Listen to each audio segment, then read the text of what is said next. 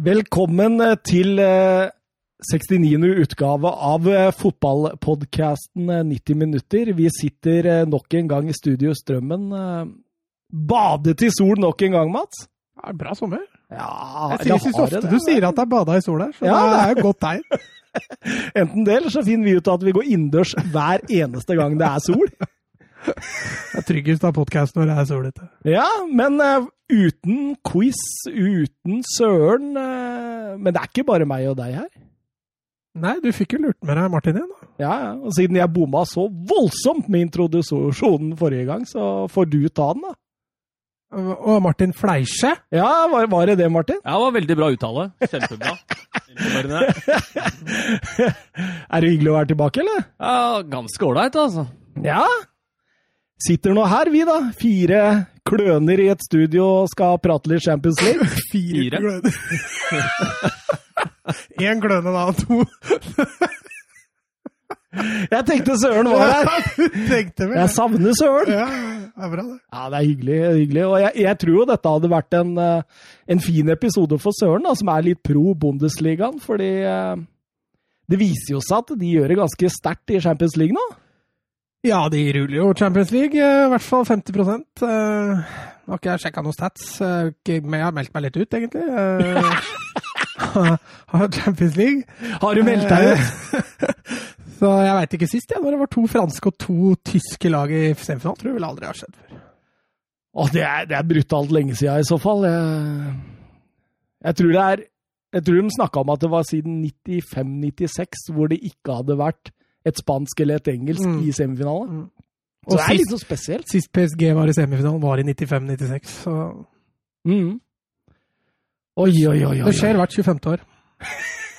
Det blir lenge til neste gang. Det det. Nei, men det, har vært det er jo litt spesielt, fordi altså Sånn som for eksempel Barcelona er et veldig dårlig eksempel her, men for eksempel Ja, City, da. De kunne jo redda seg inn i den andre kampen, ikke sant?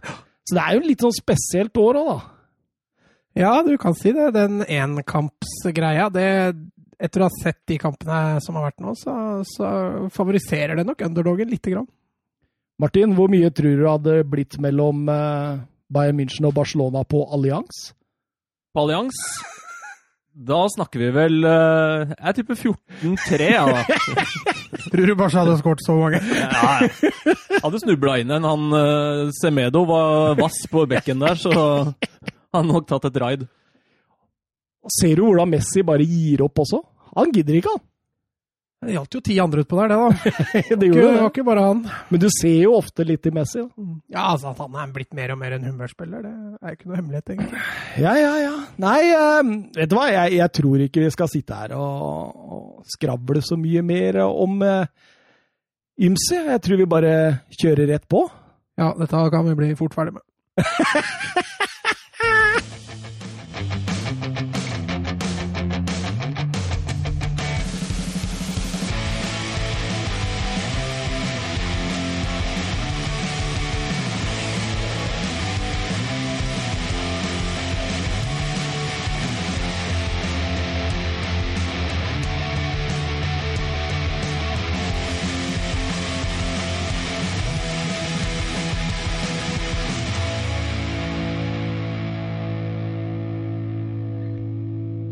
Ja, da var vi tilbake. Og eh, det jeg glemte i introen, det var jo å spørre Martin om denne fotballgarasjen hans. Du har hørt om den, eller? Jeg hørte du sa det i stad, ja. Ja. Det er ganske nytt for deg, det. Ja, det er Martin, helt fortell litt om fotballgarasjen. Fotballgarasjen eh, har blitt eh, Jeg skal ikke si blitt bygd, for garasjen har stått der, men eh, gått til innkjøp av Projektor, som det heter. Ikke prosjektor, Thomas. Det er projektor. Projektor. Ja, ja, ja. Og lerret. Høyttaler.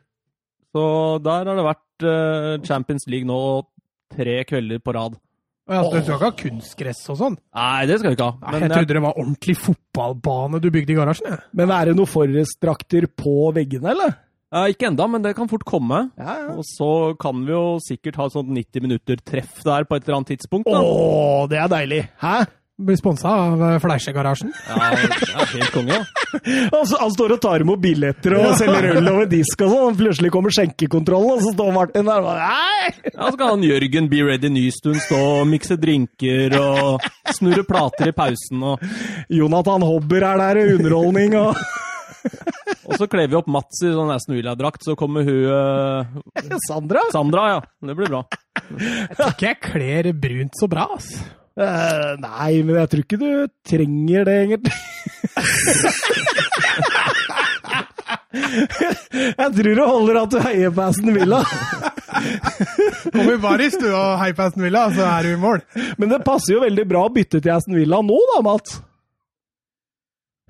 Du, du kommer til å få mange Barca-kick i dag, så det er bare å stålsette deg, altså. Ja, ja. Nei, jeg bytter ikke, men eh, Nei.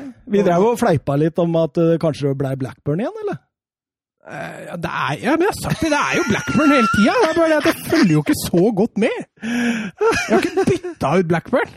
Plutselig så så spiller eh, Blackburn mot Nottingham Forest, og så sitter du og flau... Ja, jeg skal ikke si etternavnet ditt. Ja, ikke gjør det. Nei, jeg sier Martin.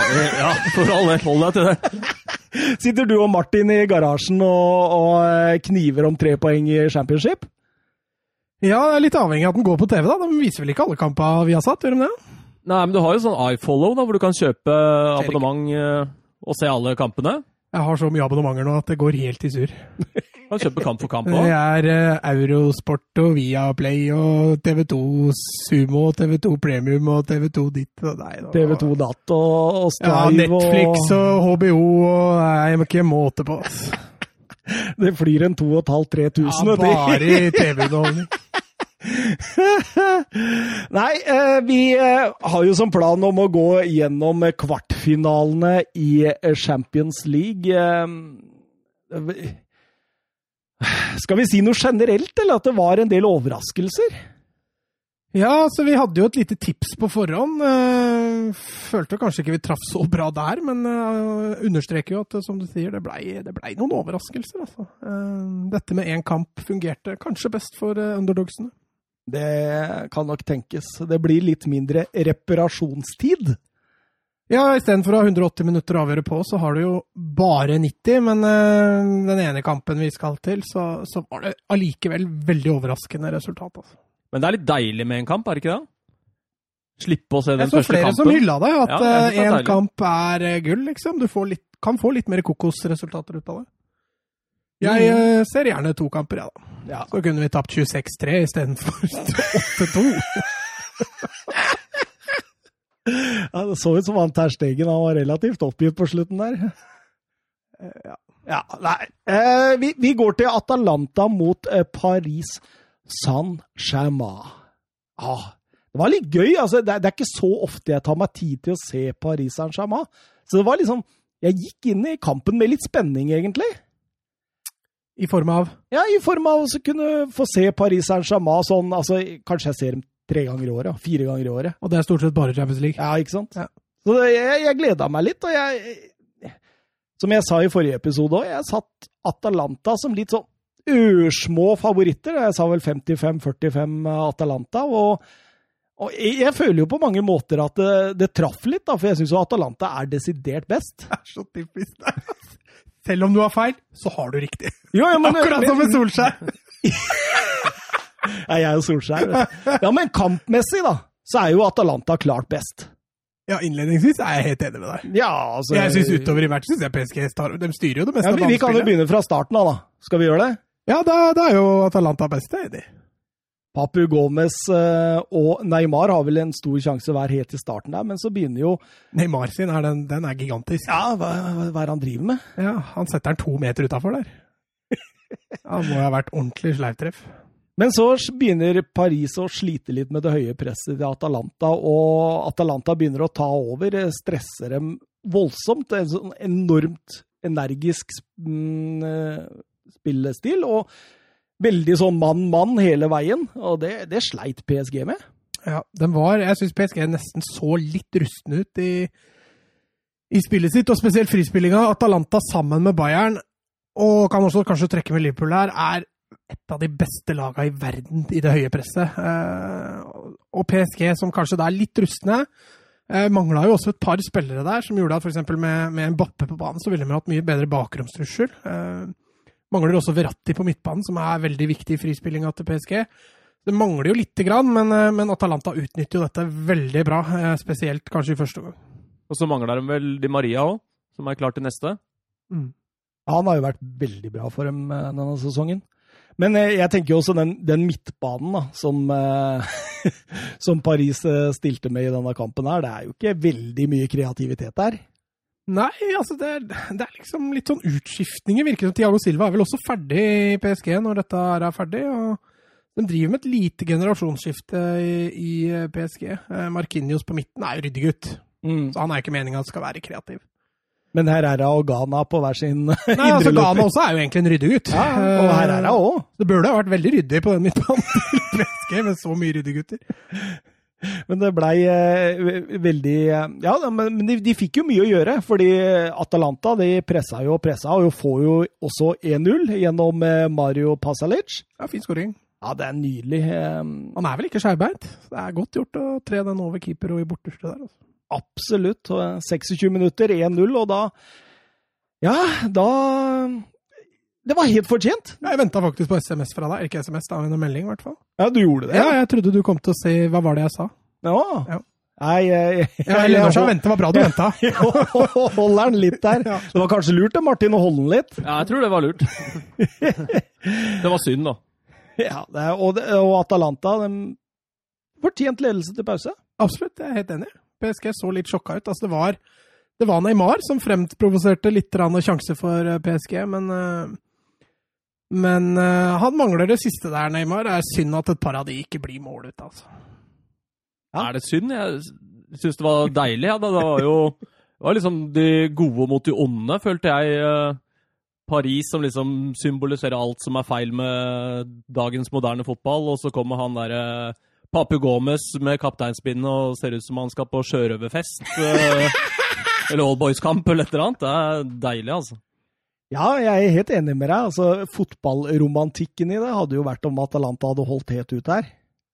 Det hadde vært deilig. Altså, det er jo, som Martin sier, det er jo de, de slemme mot de snille. Jeg ser det liksom ikke helt sånn, jeg ser liksom de, de beste vil jeg ha videre. Ja, du vil det. Jeg vil jo egentlig det. Men samtidig er ikke Atalanta helt på høyde med PSG. Spillmessig, mener du? Ja. Nei, jeg syns PSG er hakket hvassere, altså. Altså, spesielt utover i andre omgang. så ja, jeg når, når, når Mbappé. Kommer inn. Ja, men det er jo det Ja, også litt fordi da får de to trusler på topp. Mm. Og det, det avgjør jo Jeg veldig syns mye. også PSG blir mye flinkere til å ta ballen etter hvert. Det, det de sleit med i første omgang, det får de mer og mer til utover. Ja, men det er jo fordi de bytter, bort disse, eh, bytter ut disse ryddeguttene Mm. og setter inn på Paredes og Draxler. Og da får de jo mye mer spill, og så kan de spille inn enten på Neymar eller ut i bakrom til Mbappe, og det blei jo ofte farlige da. Mm. De hang jo ikke helt sammen. Jeg syns også Atalanta så veldig sliten ut mot slutten der, mens PSG har jo sikkert overskudd så det holder. Mm. Så det kan jo ha hatt noe med det å gjøre, det òg. fordi etter hvert utover i annen omgang der, så er det jo som du var inne på i stad, PSG kjører jo kampen. Ja, altså ser også sett kampen og ser på stats, da, så det jo, ser det ut som en veldig fortjent seier. Eh, de har langt flere avslutninger, og possession er god del høyere enn Atalanta. Så jeg føler liksom ikke at det er noe ufortjent at PSG i hvert fall får en utligning der. Nei, men du ser jo, på slutten der så spilte de mot ti mann. Han uh, Freuler, eller hva han het for noe. Ja, Remo Freuler, ja. Ja, han var ferdig. Han klarte jo ikke å gå. Han var jo en ryddig gutt.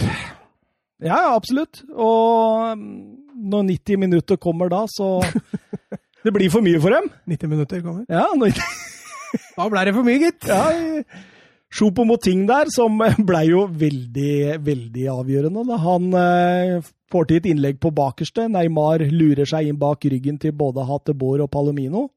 Og på ett touch tilbake i feltet der, der Markino står helt aleine og setter 1-1. Ja, litt tur her òg, for det innlegget til Neymar der går vel via en Atalanta-spiller som bare legger den enda bedre til rette for Marquinhos til å avslutte på første. Så litt heldig også, men eh, som sagt, jeg syns det er veldig fortjent når de får den goalen. Og Marquinhos han bommer vel egentlig på den avslutninga via en forsvarsspiller, så jeg vet ikke om den, hvor den hadde havna hvis, uh, hvis den ikke hadde uh, Jo, toucha. hadde det ikke blitt skjærmål da, hvis den ikke hadde gått inn? Jo, Jo, men, men var det ikke en seinere kamp? Åssen kamp var det? Nå må jeg bla litt det var. Leipzig-kampen. Ja, det- Tyler Adams. Ja, det Han også får jo kreditert den, men den er jo på vei ut. Ja. Så uh... Det kan hende at den hadde gått utafor. Ja, det kan godt hende. Um, du ser i hvert fall Markinios. Han, han er ikke kjempevant til å være i den posisjonen der. Det er litt Altså Nei, Det er jo opprinnelig en stopper som er omskolert til dyp eh, midtbane. Så det er klart, plutselig så plutselig er spiss. Så det er klart han er nok ikke rutinert i den rollen. Og du ser det nesten på hele kroppsspråket idet han får den sjansen. At det, det blir så innbitt, liksom. Det er, det er ikke som Messi eller Suárez, eller det var kanskje litt dumt å velge de to nå. Kan ta Ronaldo og Harry Kane, da. Mye bedre. Eller nevn en uh, Forrest-spiss, Martin. Louis Grabben. Ja, Louis, Louis Grabben. Han hadde bare hatt liksom kyla han til å bare se hvor de er, og, og sette den i tomt. Det er rart PSG ikke har henta Grabben ennå. Ja, det kommer det når de henter Chopo Moting, så er jo Grabben i utgangspunktet en kraftig oppgradering der, da. Det er jo nettopp det, for tre minutter på overtid så er det Erik Maxim Choupo-Moting. Det er bra gjort av Mbappe der å ikke skyte. Eh, litt stor egoist der ville ha prøvd sjøl, og det er ikke sikkert det hadde gått inn. Så god oversikt og uegoistisk som serverer den til Moting som får lov å skåre. Altså, vi snakker, Martin, Stoke-rejecten her, liksom. Han, han fi- flopp så det synger etter i Stoke. Det jeg leste, så det var flere som tvitra på det der, med at Stoke har nå hatt eh, så og så mange spillere som spilte på laget som rykka ned, som har vært spilt Champions League-finale. Ja. Og det var ganske mange spillere. Da ja, var var, vel, eh, eh, Bojan og Afelai og Moting, og det var ganske mange som har vært i en eh, Som var i Stoke når de rykka ned. Men Moting han spilte vel under Tuchel i Mainz eller et eller annet sånt, gjorde han ikke det? Stemmer det. Uten Stemmer noe det. sånn sinnssykt imponerende stats der heller. Det har han vel ikke hatt noe sted Ja, han, han var en innbytter for Tuchel der òg. Ja, han gikk jo fra Han gikk jo til Mainz i 2011 fra Hamburg gratis. Så gikk han gratis fra Mainz til Schalke i 2014. Så gikk han gratis fra Schalke til Stoke i 2017. Og så gikk han gratis fra Stoke til PSG i 2018. Så han har vært gratis hele livet, han. Var God agent, da. Ja, han må jo ha fått litt penger opp i lomma. Men altså, det intervjuet etter kampen òg er herlig type, liksom. Han, det virker jo som han liksom Bare å ha han i garderoben er jo et pluss. Stallfyll, god stallfyll. Litt. Solskjær-type, liksom. Og Men de at som ikke har eh, sett eh, den missen hans, er bare å gå rett inn på YouTube, for det er faktisk den verste missen jeg har sett, tror jeg. verre enn Stirling? Ja, verre enn Stirling. Mye verre. Altså, det er mye verre.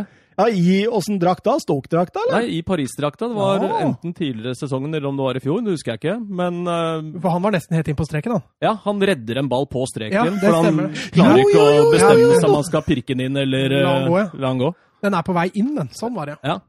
Ja. det demrer litt nå, faktisk.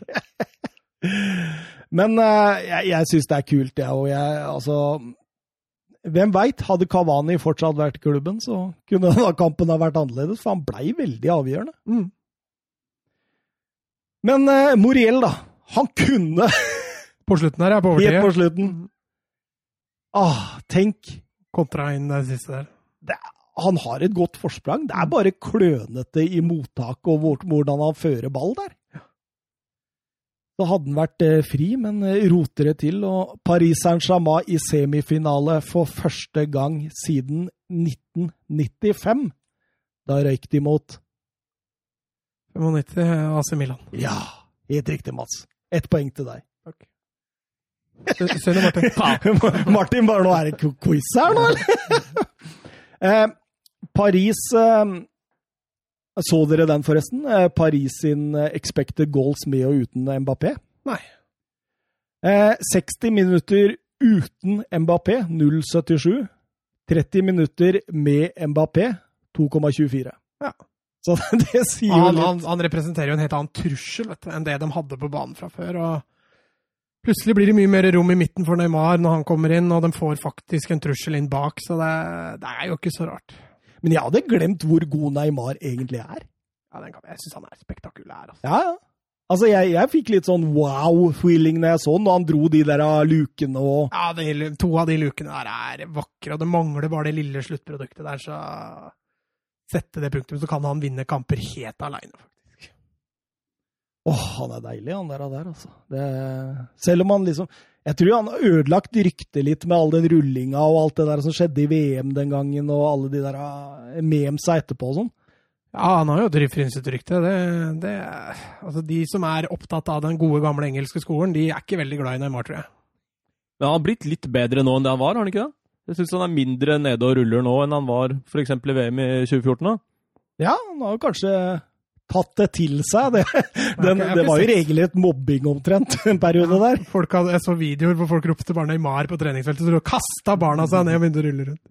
Eller den der videoen der han blir felt, jeg tror det er i VM, og han ruller og ruller og ruller ut på motorveien og ut og videre. Eh, vi har vel også et uh, spørsmål fra Petter Støvland. Hyll Atalanta! Ufortjent at PSG tar seg videre? spørsmålstegn. Ja, jeg er litt enig. Jeg, jeg, jeg, tror det gikk litt på bekostning Altså, nei, når Neymar får den støtta av eh, Mbappé, så blir det et nytt eh, PSG-lag. Det ser man jo med en gang. Men samtidig så er det litt sånn Jeg tror Atalanta gikk tom for krefter.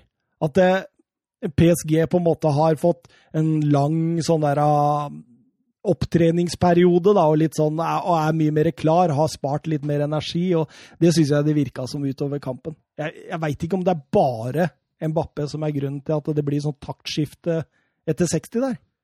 Jeg syns PSG egentlig vinner fortjent, jeg, da. Ehm, jeg er helt enig i at Atalanta hadde mye av kampen også, eh, men du ser sånn de blir slitne. Når, når PSG først får en scoring der, så syns jeg det er eh, er egentlig helt greit. Du ser jo også på statistikkene at eh, BSG har klart flest avslutninger, de har klart ballen mest. De, uh, og du ser kampen også, så syns jeg også banespillet totalt sett så styrer dem mest.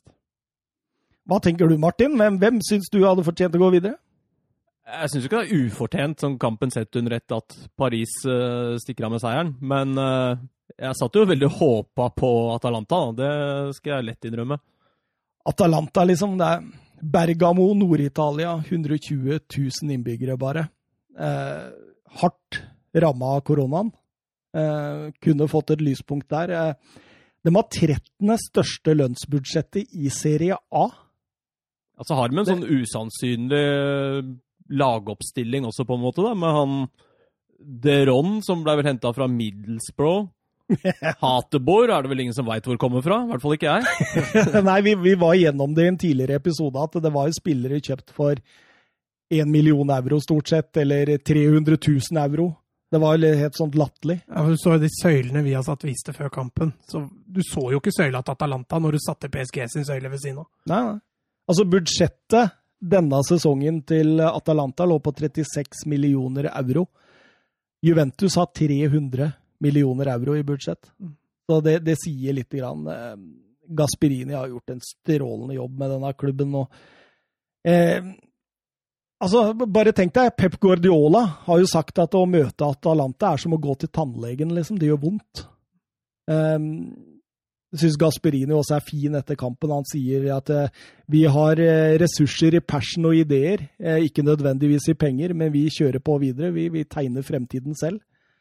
Du ser også det, det gjennomsyrer alle spiller, eller på spillelogistikken og spillere som kommer inn. Nå valgte de å hente Pasalic, som bare var på lån denne sesongen. Mm. Eh, funnet ut at han åpenbart passer, og så velger de heller å svi av litt kroner. Han blei jo ikke så dyr heller, men eh, kosta litt, i hvert fall. Og Ilisic han satt hjemme i, i, i, depresjon. Ja, altså jeg har ikke lest noen nye nyheter om han siden sist, så jeg bare antar det. Ja. Jeg så en artikkel eh, skrevet av en engelsk journalist som lurte på om han noen gang kom tilbake. Fordi det, det var visst såpass ille. Så det, vi får eh, Vi får håpe det, for det er en artig fotballspiller. Ja, det er bare å krysse fingra for, faktisk. Skal vi gå videre over til eh, RB Leipzig mot Atletico Madrid? Blei litt overraska i starten der. Jeg syns eh, det var en uh, småartig åpning. Begge laga produserer sjanser, og den største er vel til Carasco i starten der? Ja, jeg også var litt overraska, men, men, samtidig at Leipzig kom til å ha mest ball der, var ikke så overraskende. Atletico trives jo best egentlig som underdog, så selv om Atletico er favoritter, så går alltid Simione ut med den holdningen av at nei, vi er ikke det. Mm. Jeg elsker å være underdog. eh, Så at de, at de overlot mye av spillet til Leipzig, var, var ikke så rart. Men at de skulle slippe til Leipzig såpass mye som de gjorde i den matchen, her, det var, det var litt overraskende. Bare straffespark til uh, Saul Niges? Når han blir hekta av Gulashi der? Teoretisk sett så ville jeg jo sagt ja. Mm. Det er jo en åpenbar hindring.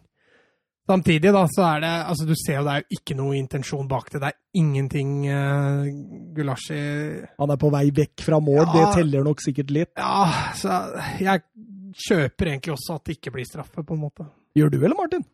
Eh, Nei, for så vidt ikke. Eller jeg kjøper, kan jo se hvorfor det ikke blir straffe, men hvis du sammenligner med andre situasjoner, da, som den Juventus fikk straffe på, så er jo denne her mye klarere, synes jeg i hvert fall. Ja, ja. Den United, Juventus vi straffe på? Ja, Ja, den eh, med, med Nå Bernadeschi er det vel som Er det ikke det? Han tenker på kvart... Nei, i, i kampen mot uh, Lyon. Ja, men som de lagde straffe på. de Sorry. lagde straffe? Ja. Ja, ok. Ja, du tenker på Lyon sin straffe? Ja, Lyon Ja. straffe. Mm. Ja, hvis, du, hvis det var hekten, ja, vi snakka jo om det. Mm. For Den er mye klarere enn den, det er jeg jo helt enig i. Hekten til uh... Ja, for der kommer jo Bernadeschi inn. Ja, ja, stemmer det. stemmer det. Mm. Eh, men eh, ja. Eh, Men var, jeg er glad for at det ikke ble straffe der, da. For det var fint å få Leipzig uh, ja, fordi, videre istedenfor Atletico, synes jeg, da. ja, fordi det er Altså, helt seriøst, nå, nå Altså, det var vel Keith Andrews som sa det etter kampen, at han må jo mentalundersøkelse, han som ønsker å se eh, Atletico Madrid videre her kontra RB Leipzig. Han trenger ikke å dra så langt. Drillo er vel blodfan av Atletico, er han ikke det? ja, han bor ikke så langt under vinneren heller, han psykiatriske. så- Kanskje han burde inn og sjekke seg, hvis da, fordi jeg, jeg, jeg kjeder meg, og jeg syns det var deilig å se at Leipzig eh, og prøvde å kjøre over, eh, og gjorde vel det til dels også. Eh, Det hjalp veldig å få inn på Felix. ja, det, gjorde jo det. det var litt sånn som Mbappé PSG, bare ikke så ekstremt, kanskje. Men, eh, men eh, da skjedde det i hvert fall et eller annet. Da hadde de en spiller som kunne eh, utfordre og skape overtall. Ja, Han var vel den eneste som klarte å skape noe på det laget, mer eller mindre. Så Ja, Det funka i hvert fall mye bedre enn Marcos Llorente. Han Ja. var jo helt borte. Men jeg syns jo RB Leipzig de prøver, da. De prøver hele tiden. De ønsker å få med bekkene rundt på kant. De ønsker å sette opp kombinasjoner med Nkunku og Olmo inn foran stoppera til, eh, til Atletico Madrid der, og har mye ball. Atletico Madrid syns jeg bare ligger godt organisert i 4-4-2 Nei, 4 ja, 4-4-2, 4-4-1-1, og, og venter. Og Marcus Jorente fortsetter med han som en slags spisspartner. Altså, Han har vel hatt to gode kamper i hele sitt liv som spiss, og likevel så får han fortsette å spille spiss. Ja, altså det var den mot Liverpool. Ja, altså han- Den i forkant av Liverpool, som gjorde at han fikk sjansen mot Liverpool i den formasjonen. Jeg husker ikke hvem det het var Men det mot. er jo liksom det defensive valget òg, da. Det er litt typisk Simione. Uh, Jorente kan, hvis på en god dag, være god som en, uh, som en Kall det en tier, da. Uh, men han er jo klart best i det defensive der også, ikke sant. Og det, han prioriterer nok en gang det defensive framfor, eh, framfor det offensive. Og mot slutten av første omgang så tar jo RB Leipzig helt over. Ja. Eh, Da er det nesten enveiskjøring. det er det. Uh, uten at det blir de helt, helt store sjansene. Jeg tror det var Veland jeg, som sa det i studio, det er jeg helt enig i. Altså, jeg tror det fins bare én klubb i hele verden som er komfortable med å være under press.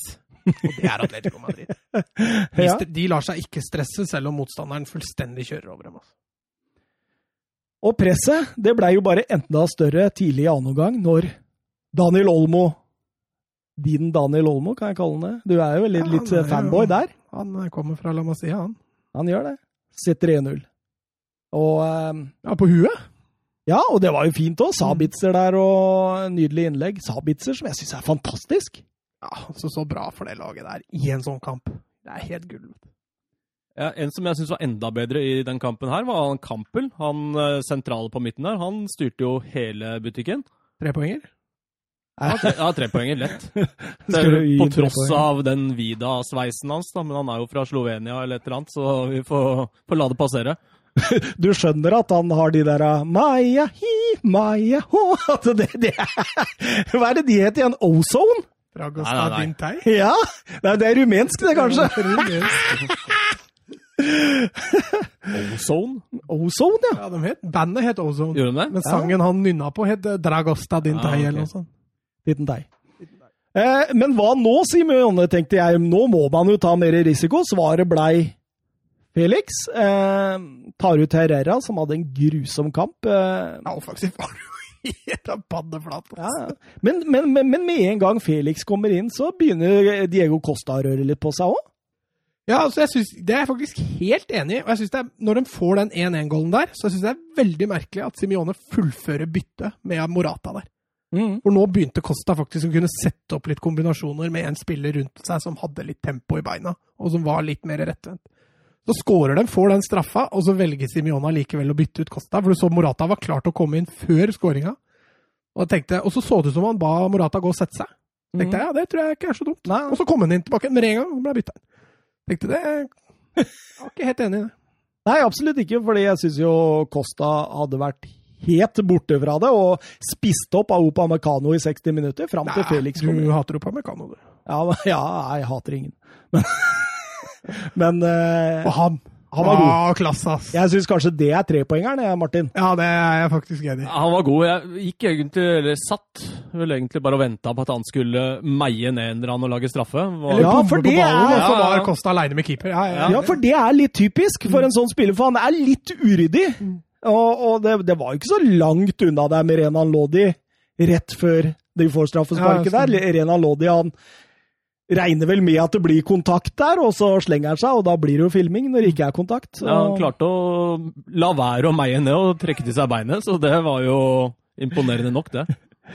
Men likevel da så blir det jo straffespark rett etterpå. Um, det blir felt av Lukas Klostermann der Felix uh, aleine mot Gulashi. Det- er så svakt stopp forsvarsspill, det Klostermann gjør der. Mm. Eh, Du spiller da skulder mot skulder med motstanderen din, som fører ballen med beinet som er lengst unna deg. Han har full kontroll på kroppen og kula, og så skal du slenge deg ned der og så prøve å ta ballen. Ja. Ja, det er, altså Møter du gode, bare litt gode fotballspillere, så har du tapt. Mm. Og er- Felix er en ganske god fotballspiller. Han er brukbar, eh, og Klostermann eh, har jo ikke spilt fryktelig mye stopper før. Litt overraska at det er Felix sjøl som går og tar den straffa. Det er, det er ballsy. Ja, det er eh, fremoverlent, det. Ja, det er det. Holdt på å bomme, var ikke langt unna deg, Gullarsen. Holdt Nei. på å bomme. Det var, var vel ganske langt unna at Gullarsen tok den. Ja, han gikk riktig vei. Ja, Han gikk riktig vei, ja, men han var jo knallhard i hjørnet, så den sitter eh, ti av ti, den der. Og da syns jeg jo på en måte at eh, Atletico Madrid får et lite, lite momentum, i hvert fall. Altså, de er litt bedre enn de har vært før. Altså, jeg, Det er jeg enig i, Edvardsen. Der er jeg med. Jeg føler litt det Costa-byttet ødelegger det. Ja. Mo- Kunne kanskje vært et enda litt større momentum, da. Jeg sier ikke at det ville dominert, men eh, Men eh, jeg tror kanskje det kan ha vært en liten faktor. eh, For Morata blir jo først veldig involvert helt på slutten, når de jager skåringer. Da først greier de å involvere Morata i større grad. ja, for tre minutter før slutt så eh, er det Angelino, denne Manchester City Tidligere Manchester City-bekken. og Er han ikke bare leid ut, da? Nei, jeg tror han har gått nå. Jeg tror den bare leid ut, ja. Er han det? Jeg ja, det, det, det? Jeg skal ikke være for hard på det. Men um, kommer rundt på kanten her, har to muligheter. Det ene er å sende inn foran mål, der Chico Paulsen kommer i, i, i egentlig gode posisjoner. Ja, mellom keeper og stoppere der, ja. Ja, ja. Mm. Men velger ut i mellomrommet til umarkert uh, Taylor Adams. Um, mange velger én. Angelino valgte alternativ to. Ja, fikk massivt skryt for det av kommentatoren òg. Mm. Hvis han valgte da, det kan han bare bomma. Det er noe jeg mistenker litt når jeg så de andre pasningene han spilte, men eh, Ja, Ja, han var var ikke voldsomt bra, men, eh, men, eh, men det var veldig godt. Og Adams han drar jo til fra 16 meter via Savic. Setter ut Oblak helt, og RB Leipzig i ledelsen. Eh, ikke ofte man ser Atletico Madrid bli tatt i ubalanse tre minutter før slutt på 1-1. Nei, eh, de hadde jo sendt litt folk i, folk i angrep der. Eh, Nå skal det jo også nevnes at eh, det er tur at de får det målet. For som det blei nevnt her, så var den ballen kanskje på vei utafor. han var, hadde vel gått en meter utafor omtrent. Ja, og Oblak, den viste linja i studio etterpå. Ja, og Oblak er jo på vei den veien også, så han blir jo, som Thomas sier, bare satt veldig ut av spill. Så dyktig, bra kontring av Leipzig, og litt heldige for at de får den skåringen. Og så kan du selvfølgelig stille litt spørsmålstegn med at Atletico faktisk blir tatt i ubalanse der. Altså. Og Da blir det halvveis kaotisk og, og masse sinna Atletico Madrid-spillere mot slutten, spesielt. Jimenez han, eh, han var irritert. Ja. Simione var ikke helt happy, han heller. Så han bare sto stone-faced igjen, liksom. Han bare What? Han så nok en mulighet den runden her til å gjøre det bra i Champions League, så det her var nok et ordentlig blow. Altså. Ja, for det, dette én kamp som han har begynt med, det favoriserte jo litt, syns jeg, Simione og måten de grinder out resultatet på. Ja, og så var de jo på den siden av tablået da, hvor City og Bayern München ikke var. Så de ville jo fått en i gåseøyne da, enklere vei til, til en eventuelt finale. Kanskje med utenom PSG neste, som i hvert fall er en, eh, er en klubb av format. Eh, Så da var det nok eh, hardt å ryke mot den hva kaller det, nyrike klubben Leipzig. Glenn Weber spør på Twitter Julian Nagelsmann banket Diego Simione gul og blå taktisk, eller? Ja, godt spørsmål. Eh, Jeg syns jo det at Leipzig, Nagelsmann treffer knallbra på, på kampen. Det gjør han jo utvilsomt. Og så er det veldig vanskelig med Simione, for jeg, som jeg sa i stad, jeg tror han er komfortabel med kampbildet som blei. Jeg tror ikke det var noe sjokkerende for han at det, skulle bli sånn. Så i og med at eh, Leipzig sitter igjen med en litt overraskende seier her, så må man jo i hvert fall være enig i at Nagelsmann kom ut som den beste, i hvert fall.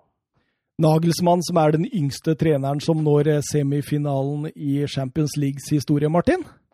Ja, han er 33, er det det han er? Ja, det er jo helt vilt. Han Har vært trener på toppnivå siden han var 27 i Hoffenheim eller et eller annet sånt. Ja, Han begynte vel i Augsburg, gjorde han ikke det? Eller blander jeg litt nå? Altså, hoved, Første hovedtrenerjobben var vel Hoffenheim, som Martin sier. Ja, men han var vel i Augsburg helt i starten der. Han var det sammen med Tuschel, vel? Ja, ja. Begynte som speider der. Så han har jo klart å Det er vel de to mest hata klubbene i Tyskland, er det ikke det? Hoffenheim og, og Leipzig? Ja, i hvert fall Leipzig. Ja, Hoffenheim hadde vel det stempelet før Leipzig eh, fikk Red Er det på grunn av han der av Dietmar Hopp? Dietmar Hopp, Ja, horesønnen ifølge tyske supportere. Vi hadde mye moro med det. Dette kan Søren mer om enn meg. Ja, Søren han, har- han har holdt lange appeller om det tidligere. Ja. Vi har bare ikke hørt etter. Så. vi, kan, vi kan ikke avkrefte eller bekrefte. Eh, Jørn Henland spør oss på Twitter eh, hvilke tanker har vi om Sørloth i Leipzig. Han blir jo godt linka, som dere vet. Eh, er det en god sesong i tyrkisk eh, Super League nok til at han skulle spille fast for energidrikkgutta? Og hvor lik eller ulike er de som spilletyper? Jeg, jeg tenker Han tenker vi sikkert på som en erstatter til Werner, da. Han, han har ikke Altså, det det ja, direkte. altså, er det bestemt at Schick går til Leipzig? Er den overgangen Nei, jeg tror ikke det. Han er vel bare på lån? Ja, han er på lån. Ja. Men Så jeg tror det er jeg, dette jeg var den jeg også tenkte, at Ja. Sørloth blir Schick-erstatter. Mm. Eh, og så må de fortsatt leite etter nå Ja, men de har henta han uh, RB Salzburg-koreaneren. Han uh, Shuang Ja, stemmer stemmer. Ja. Bra uttale. Ja, jeg, du, jeg uh... Han prater flytende koreansk, Thomas. Han har jo Han ber bedre vi- på navnet hans enn mitt, i hvert fall. Så det, Fleische. der er du. Ja, var, var jeg på nett nå? Ja, nå er du, nå er du innafor. Hørte du det? Nå føler jeg meg velkommen. Men, eh, men, men vi, vi må ta spørsmålet hans, da, for det er, det er litt ålreit. hvilke tanker har vi om Sørloth i Leipzig? Altså Hvis han skal ta over rollen til, til Schick, så blir han jo Altså Schick fikk jo ikke så mange starter. Nei. Han var jo mer litt sånn superinnbyttertype. Mm. Uh, Sørloth har åpenbart nytt godt av å starte mange kamper i, i Tyrkia, eh, og være den nieren. Det har vært, men det hadde vært utrolig spennende å fått se Sørloth. Eh, for jeg tror Bundesliga er jo takk ned fra, fra Premier League, og der var han åpenbart ikke god nok. Eh, det hadde vært, Eller fikk i hvert fall ikke åpenbart nok sjanser, eller? Nei, Han skåra vel ett mål på 12-13 kamper, gjorde han ikke det? Hadde et par skikkelig grove bom, husker du det, Martin? Og den ene goalen hans kom vel i ligacupen nå, gjorde han ikke det? Ja, det? gjorde det.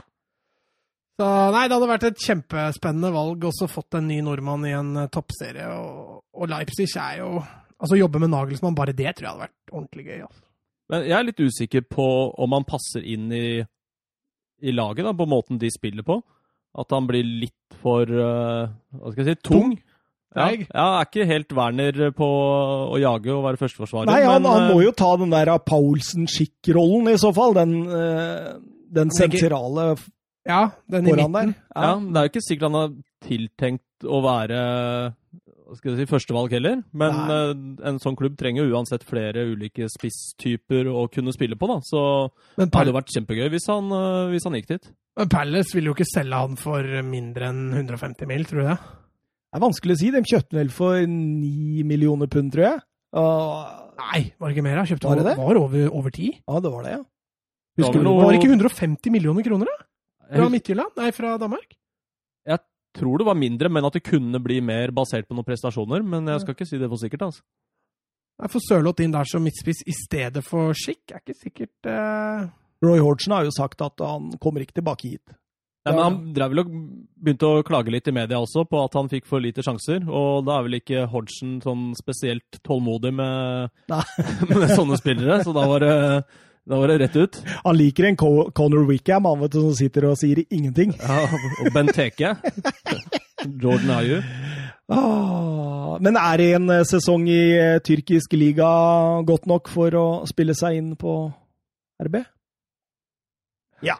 Ja, altså Har du en god sesong i Tyrkia, altså, og, 24 mål, Mats. ja, ja, så skal jo det tilsi at du eh, Altså, Det er ikke sånn at du må ha fem sesong, gode sesonger i Tyrkia, så er du god nok.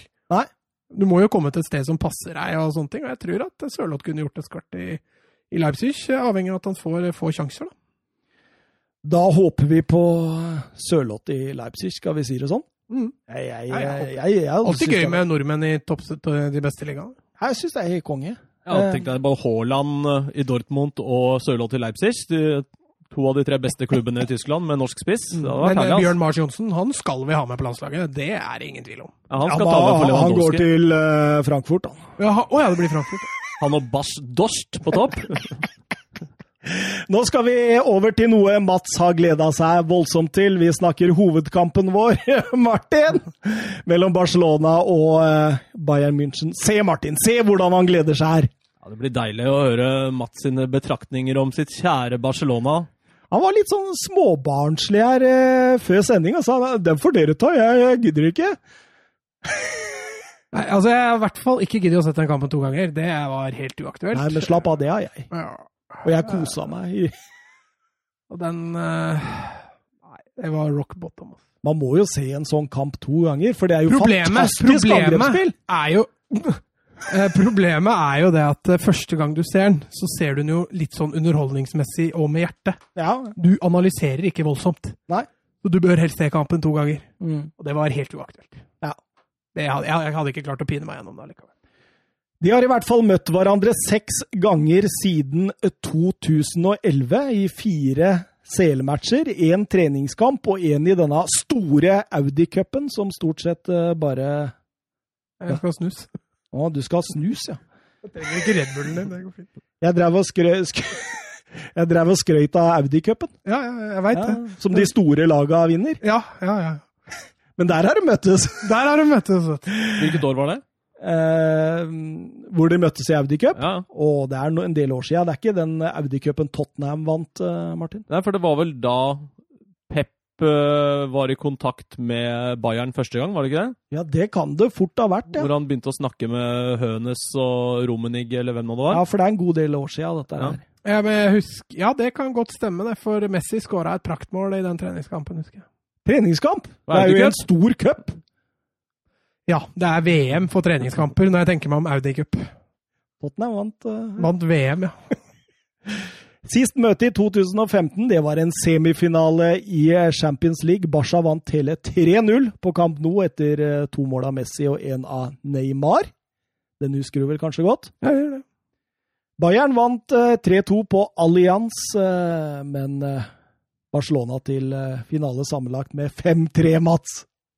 Ja, det var hyggelig. Det husker jeg. Det var, det var koselig. Ja, ja. Vant seinere Champions League mot Juventus i finalen. Eh, Og det, det, du begynner jo greit, gjør ikke det, Mats? Ja, fire minutter, så er det jo 1-0 til Bayern. Kjempegreit. Ja, men jeg tenker jo at eh, Jeg tenker jo at eh, Barca får jo den første sjansen der. Eh, hvor eh, Seiger Roberto kommer rundt på kant og, og legger inn Det er jo bare en lang tå fra godeste Boateng der som hindrer egentlig 1-0 der. Ja, men det er vel ikke en sjanse? Ja, det er en potensiell sjanse. Ja, potensiell Han sjanse. hiver seg fram for å virkelig nå den, og hadde den gått hele veien til Suárez der, så hadde det stått 1-0. Så ja, greit men det blir jo ikke noe avslutning, og Suárez får jo aldri ballen. Og, så jeg karakteriserer ikke det som en sjanse. Altså. Nei. Men karakteriserer du målet Ja, målet karakteriserer Du kan fullføre den setningen. For tre minutter, det tok ikke lengre tid, så satt eh, ballen i mål. Det var jo et fantastisk mål, ma. Um, Nei, jeg kan spørre kan være litt snill med deg spørre Martin. Det var et fantastisk mål, Martin. Ja, det var et herlig mål. Nydelig avslutning der av uh, han godeste Alaba. Eh, nå er du på 1-1. Ja, var det ikke der du var, da? Nei, vi er på 1-0 til eh, Thomas Müller. Ja, der, ja. Troa forbi den, ja. Ja, den er Nei, fin. Ja, den, den er utrolig fin. For det, det der er 1-2-spillet med Lewandowski der, et innlegget fra Perisic, så bare Altså er nydelig. Han setter den akkurat der han må for at den ikke skal bli blokkert. Og Thomas Müller skårer i sin 113. Champions League-match. Det er ikke noe lett avslutning han har der heller, da. Müller. Nei, det er jo ikke det. Fordi det, det er jo mange spillere mellom han og, og målet. Så Men det tar jo bare tre minutter, så står det 1-1. Og eh, den kan du jo få kommentere da, Mats. Ja, det var jo en eh, fin skåring av Alaba, det. Han setter en herlig bue over Noyer der. Eh, det er vel, som du var inne på også i studio der, ufattelig lite trussel inn bak, og det er stort sett bare Alba som tar de initiativene. og Alba er jo nest sist på begge måla til, eh, til Barcelona, og den her også inn eh, litt svakt innlegg, egentlig. Burde ha klart å treffe Suárez, egentlig, men eh, Alaba gjør jo jobben for, for Suárez der. Vakker bue der, altså. Det er dårlig da av Alaba at han ikke klarer å Ja, men Du ser litt at han ikke er stopper. Akkurat i de situasjonene Ja. der så har han ikke mye stoppererfaring. Altså. Du jeg flirer litt òg, liksom, etterpå. Jeg veit at dette går bra likevel. Ja, men, men, men, ja, men det, er, det er litt av det, ikke sant. Du skårer 1-1 selvmål mot Barcelona, og så flirer du av det. Altså, altså da har du en, en selvtillit og en ro, tenker jeg. Og en tro. Ja, og en tro som ikke ligner grisen, egentlig. Det, jeg tror de, de er stappfulle av selvtillit på dette tidspunktet her, og, og, og at det skårer et skjærmål sånn. OK, vi kjører på videre. Men jeg syns jo Barcelona var veldig gode, de første. Altså, Det kvarteret her er et, eh, er et absolutt godkjent kvarter, eh, fordi Barcelona greier å etablere spill på Bayerns banehalvdel, og når de mister ball, så jobber de faktisk litt for å få den igjen, ganske kjapt. Og det, det gjør, litt, gjør at Bayern blir litt utilpass. Eh, og de skaper sjanser. Det blir et stangskudd der, og Messi har et raid. og ja, og Suárez er ganske tett på å skippe over Ja, det er Neuer gjennomspill av. Somedo der, ja, stemmer det. Ehm, sånn at det, på det tidspunktet så sitter man og tenker Fader, skal dette kanskje gå allikevel? Men Så kommer neste halvtimen. Og den er noe av det villeste jeg har sett, for der er det total meltdown. Ja, litt sånn eh, flashback til eh, Tyskland-Brasil eh, 2014 der. Ja, Selv om den var verre, da. Men, men, men Var den verre? Ja, den var verre. Ble ikke det 7-1? Ja, den var 5-0 etter 20. Å ja, sånn, ja. Du er på antall mål, ja. Ja. ja. Tenkte på sluttresultatet, ja. Det var Ja. jo faktisk snillere. Ja, for eh, Roberto mister ballen utilgivelig til Gnabry der, som setter fart mot eh, Piquet. Spiller ut Perisic, som eh, fra skrått hold fyrer av et skudd via Terstegen og i mål. Gjennom, I tverrleggeren og ned igjen. Eh, slike feil av Sergio Roberto, det kan du ikke gjøre på det nivået her, altså. Det, Nei, det, han det skjedde jo gang på gang på gang, ikke bare med han. Nei, men jeg syns Semedo han, han gjør situasjonen enda trangere der for Roberto enn det den behøver å være. For Semedo flytter seg jo ikke heller. Han tar ikke et nytt initiativ. og Jeg veit ikke om Roberto prøver på en tunnel, altså. eller hva han driver med der. Det er jo et håpløst forsøk på en dribling. Og Bayern, som er så gode defensivt én mot én, også de offensive spillerne, altså blir det knallhardt straffa. Og nå, nå, nå, nå er det faktisk eh, sjanse i hvert eneste angrep. Ja, altså Barcelona også kjører jo på og har en kontringsmulighet her og kan skåre, men eh, det er jo Bayern som er det effektive laget. De er det. Fordi vi skal faktisk ikke lenger enn eh, seks minutter til, så setter Gnabry inn eh, 1-3. Og det er jo en oppvisning i hvordan man skal spille angrepsspill, Martin. Ja, den er fin, den. Og det var deilig å se Gnabry, gamle Arsenal-rejecten og ja, Kanskje ikke noe reject, men han var på utlån til West Brom og den sesongen der Han var helt sjuk i, eh, i Bayern. Det veit vel du alt om òg, som er Tottenham-fan? Jeg, jeg, jeg, jeg vil hylle da uh, Müller, som står med ryggen mot Barcelonas mål og klarer å chippe på ett touch den ballen over til Gnabry. Var det ikke Goretzkas mål, da? Nei, jeg tror det var Thomas Müller. Okay. Jeg er ganske sikker på det. Og så den er vekta helt perfekt, noe som gjør at Lenglet først tenker 'den tar jeg før den spretter'. Og så må han kontre bevegelsen sin, noe som gjør at Gnabry får det forspranget. Nei, det er, eh, det er så millimeterpresist og perfekt at det, det er eh, Nei, det er bare å bøye seg i støvet. Og fra Thiago har den ballen og spiller den på en feilvendt Müller, til ballen ligger i mål, så er det to touch. Mm. Det er helt enormt. Det er helt enormt. Og, og da, allerede da så begynner du å se en viss sånn Resignasjon. Ja, ja, du ser jo Ter Stegen og Busquets der slår jo baller i øst og vest. Det, det ser jo ut som de hadde lyst til å dra hjem. Allerede etter det målet. Ja, det hadde de vel òg. Det var jo Altså, det blei jo bare voldtekt. Altså, det kommer jo etter hvert det ble en voldtekt. Du kommer jo litt ut i kampen der og virkelig kan vurdere Eller hvor er moralen, liksom? Når du gir opp på 3-1. Ja, og det ble jo 4-1 også, bare tre minutter etter det. Thomas Müller eh, Forsvarsspill på så lavt nivå at du kan leve av det. jeg, jeg, jeg, blir helt fra meg, egentlig. jeg. Blir egentlig helt fra meg. Um, Lenglet der også, som ikke følger med. følger med i det hele tatt. Og, og Müller står på første stolpe og bare tapper den inn etter innlegg fra Kimmich. Men hva tenker dere om det? For jeg syns det var deilig å se Kimmich tilbake på høyrebekken. Ja, da. Selv om Ja, han det var jo ikke noe tap fordi Tiago var så bra. Ja, og så er han jo Jeg tenker at han er verdens beste høyrebekk. Litt sånn som Lam var. Uh, Er han bedre enn Arnold? Uh, ja, i hvert fall defensivt. Ja. Uh, la- Sleit litt med Alba i perioder. Ja, Nå har han ikke spilt der så mye Ja. på et par år, men la oss si at han er en av verdens beste, da. Ja. Litt à la Lam. Så jeg syns det var deilig å se han tilbake på, på høyrebekken, og heller ha to midtbanespillere som egentlig er midtbanespillere. For han er såpass god på høyrebekken at eh, ja, han er bedre enn Pavar, da, mener jeg, da. Og Tiago og Goretzka, de styrer jo dette. Ja, det var herlig. Styrer butikken. Fullstendig, egentlig. Ja, altså, Det var ikke noe tap å ikke ha Kimmich sentralt, når de to briljerte sånn. Eh, og da er jeg jo helt enig også med, med Martin, for Kimmich er jo 13 ganger bedre enn Pavar.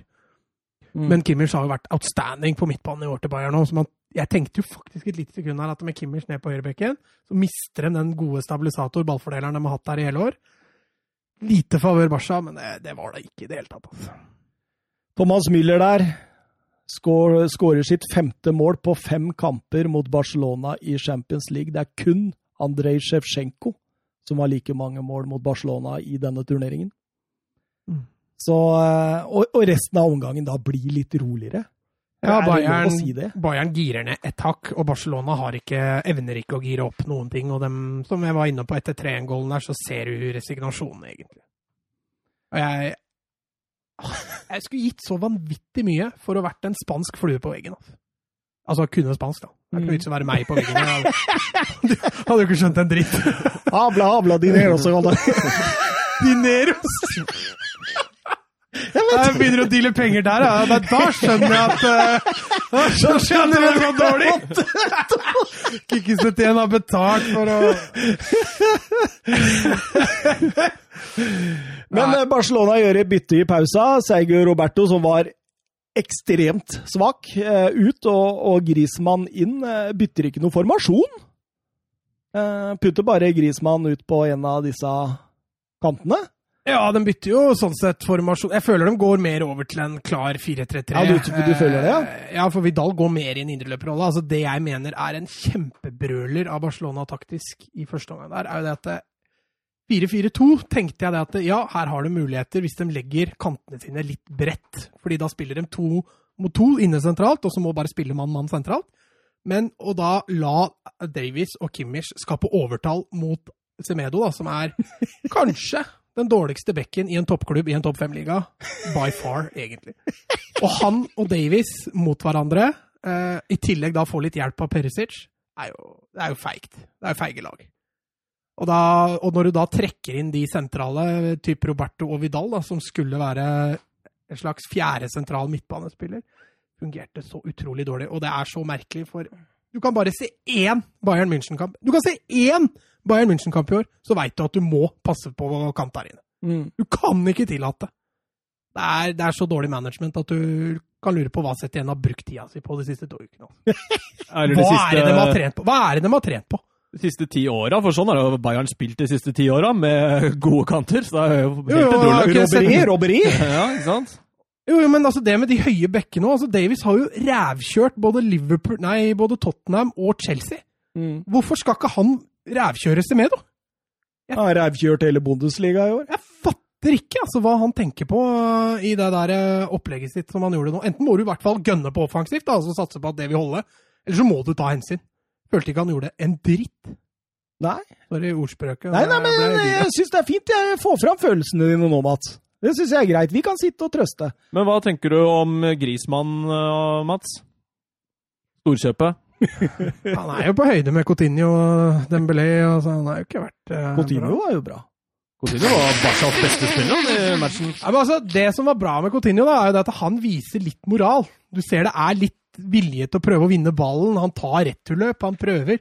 Med ball er han jo like håpløs som alle de andre, men det er i hvert fall litt der, da. Men hva han har fått til, mener du denne sesongen, liksom? Eller? Ja, egentlig. Ja, det har vært eh, langt under pari. Og i matchen nå så sov hun vel én gang. Det var da han kom inn på banen. Og så var han borte. Ja, men du, så- du ser han løper etter ballen flere ganger. Ja, hvis du zooma inn, så så han kanskje et par ganger til. Men eh, det, det er jo Barcelona altså det, det er jo, altså Jeg syns jo at eh, starten på annen omgang eh, bare forlenger slutten på første. At det, det er ikke sånn vel, veldig mye som skjer før Suárez setter eh, 2-4 der. Og der får jo Suárez Boateng til å virke som han er 70 år, eller Harry Maguire, som jeg mener. Ja, jeg er helt eh, enig i at han ser ut som, eh, som en saltstøtte der. Godeste Boateng, den skuddfinta er genial. Eh, og det kunne kanskje stått igjen da, som et litt positivt, men når du ser Semedo etterpå mot Davies, så tenker du at eh, nei, Boateng var egentlig ganske kjapp der, han. ja, nei, gud bedre. Men for all del, kjempeskåring av Suárez. Var Ja. faktisk gøy. Det var det artigste med hele matchen. Og da, og, da, og da er det jo i fem-fem minutter både jeg og kommentatorene tenker ja, altså dette er jo Champions League, dette kan jo Altså, kan vi få Kan vi få Nei, vi kan ikke det, sier Mats her. Han bare rister på Nei, men, altså det var, altså, hvis du hadde sett de 55 minuttene før Suárez skåra, så Ja. satt du Jeg satt ikke med et lite håp engang. Nei, du gjorde ikke det. Jeg tenkte dette var et trøsteresultat. Mm. Uh, og i og med at vi prata om dette i forrige podkast, at jeg hadde mer trua på at Bayern kom til å skåre fem mål enn at Barcelona kom til å vinne, Mm. eh, så angrer jeg veldig for oddsen. Jeg var inn og titta på oddsen for å tippe på mer enn fem Bayern-skåringer, og den var ganske høy. Ja, Den lå på over 20. ja. Altså, Som ikke egentlig er så høyt, da, når du tenker på at du møter Barcelona. Den skulle jo egentlig vært på 2000, men uh, fader at jeg ikke slang inn noen kroner der. altså. For 2-5 kommer jo, og det er jo Joshua Kimmich. Og det er jo sjeldent man ser et mål hvor assistmakeren fortjener målet mer enn målskårer gjør i akkurat denne situasjonen. For Ja. Alonso Davies, han holder jo huskestue, Martin.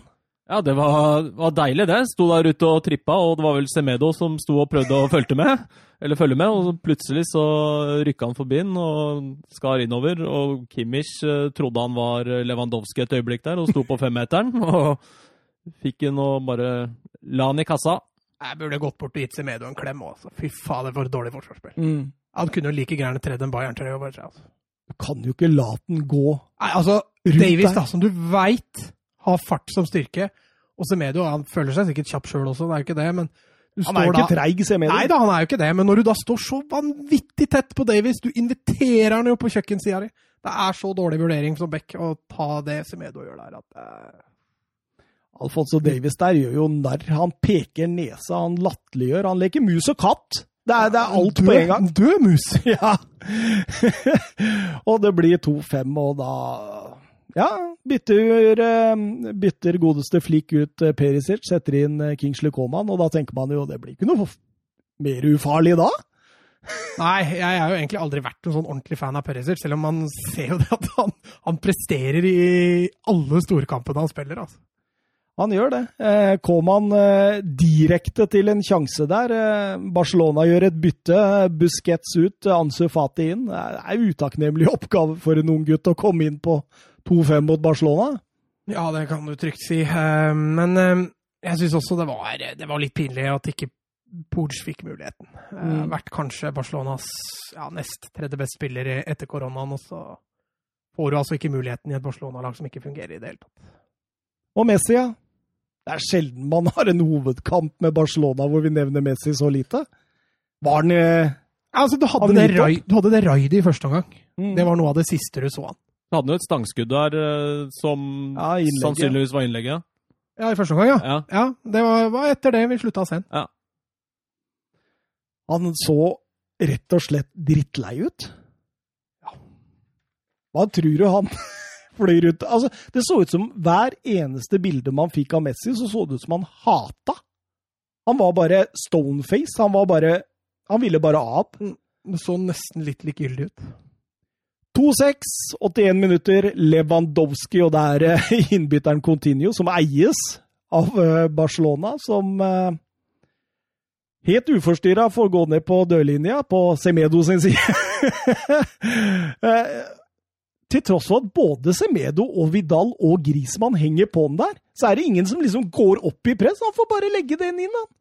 Og der står jo en totalt umarkert Lewandowski på Er det femmeteren eller noe sånt nå?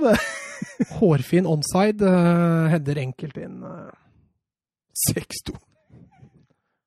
Da var de ferdig, var det ikke det? Nei, nei, det var ikke ferdig. Var ikke ferdig? Nei, det var ikke ferdig. Å, Nei, de har nemlig en Barcelona-eid kantspiller, skjønner du. Ja, Han ville være med. var det sånn det var? Deilig, da.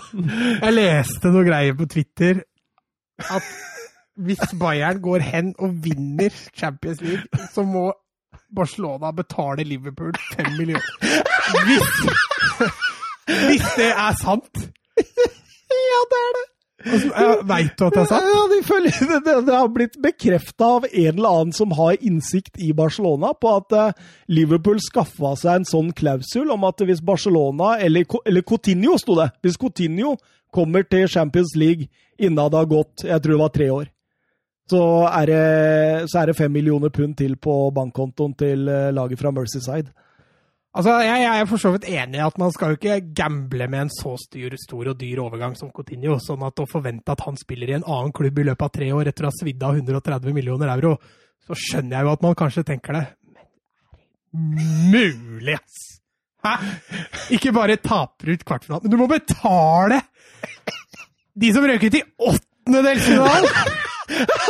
Fem millioner euro for at han kløna For Bayern kommer til å vinne! 85 minutter, 2-7, Coutinho. Og det er Messi som to- taper ballen. helt umotivert. Tolisso, som har kommet inn, eh, plukker opp ballen til eh, Müller på 20. Müller kan bruke både Koman og Lewandowski, men legger den ut til venstre til Coutinho. Akkurat som han ville at Coutinho skulle skåre også. Ja, men så ut som han ville til Lewandowski. Det var han han så etter først, og så blei det løpet brukt opp. Og så kom Coutinho helt fin på bakerste. Dårlig touch der, men får likevel sklidd inn 2-7 der. Og lite jubel, da, i respekt til sin egen klubb. Ja, Det skal han ha. Han jubla høyt inni seg, tror jeg. Ja, det, På alle måla hans Ja. jubla han rolig. Fordi rett etterpå så er det 2-8. Det er, det, det. Du, du, er må klype deg i armen når dette skjer. Det er totalt Men, men er det der Semedo detter 32 meter innafor alle de andre forsvarsspillerne sine? Ja, Ja. det er jo det. Det er jo det. Gary Neville så litt sånn ut der. Han eh, følger jo ikke med i det hele tatt. Det er jo Tiago som upressa plukker Hernandez på løp inn i boks. Eh, Ingen følger. Semedo står der han står, og Hernandez header inn i feltet igjen til Coutinho, som setter 2-8 rett foran Terstegen. Stegen. Og eh, det er som du sier, Mats. Semedo der og linje. Det er jo galskap. Han kunne jo satt både Hernandez og Coutinho i offside med å, å trekke opp. Ja.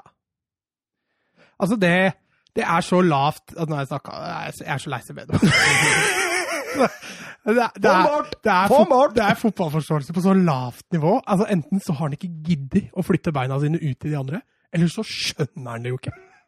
Enten eller så er det jo hårreisende. Men det er vel det er ikke bare en meter, det er jo tre-fire meter. Jeg tror det er ti-tolv år. jeg. Han står bak mål, han. Han står innafor 16, det er jeg helt sikker på. Men det er nesten dårlig av dommere å ligget i to minutter der. De burde egentlig bare blåst av, tenkte jeg. Å ja, du ville at dommerne skulle være så fair? Ja, altså fordi du ser jo at det hele Bars... Altså, dette Altså, Du ser jo hele laget. Sett igjen. Alle de ønsker jo bare å grave et høl og, og gå ned der og Og, og, få tetta og igjen. De vil jo ikke være der.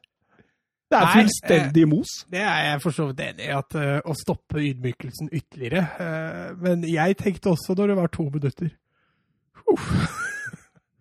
Og jeg tok meg sjøl. Ja, Du håpa at det ikke blei mer, liksom? Ja ja, kunne ha blitt fem, for Ja. det var mange bytter. Ja. og Da hadde det fort blitt et mål til. Men uh, når de skårer 8-2 der, og du ser Semedo ligger så langt onside altså, Du tar deg sjøl i å bryte ut i latter. det, er, det er gått over til det patetiske, liksom. Det Ja. går over i Du får en følelse i løpet av en fotballkamp du har så sjeldent. da. I hvert fall hvis du er Barcelona-fan. Ja, ja. Eller, eller Ja, jeg skjønner det. Som Tottenham-fan er det normalt. Men. Ja, dere taper ofte 8-2, ja. Nei, kanskje ikke det, men at man går på en, emblem eller to, det, det skjer. Ja da, dere har hatt noen klovner i Forsvaret siste åra, dere òg. Jeg skal ikke unnskylde dere helt, men eh, det her ja. Hva ble sammenlagtresultatet mot Bayern for Tottenham sin del? Eller over to kamper? Blei det ikke 10-3, ja? Det var kanskje det? Jeg tror det. Jeg tror det. Blei ble 7-2 på, på, eh, White Hart Lane. Og, Ja, eller gamle, nye White Hart Lane, om vi kan kalle det det. Jeg har ikke fått noe navn ennå, fortsatt. Tottenham Hotspur Stadium. Ja. Deilig, egentlig. Men det blir sikkert sånn Nike Hart Lane eller noe sånt snart. Helt sikkert. Um, skal vi dra banens beste poeng, eller Martin? Du har vel sikkert forberedt de? Uh, nei, så de må Mats ta først. Ja, ja. Stress, det tar jeg på strak arm. Eh, Ter Stegen for tre. Semedo to. Messi for én.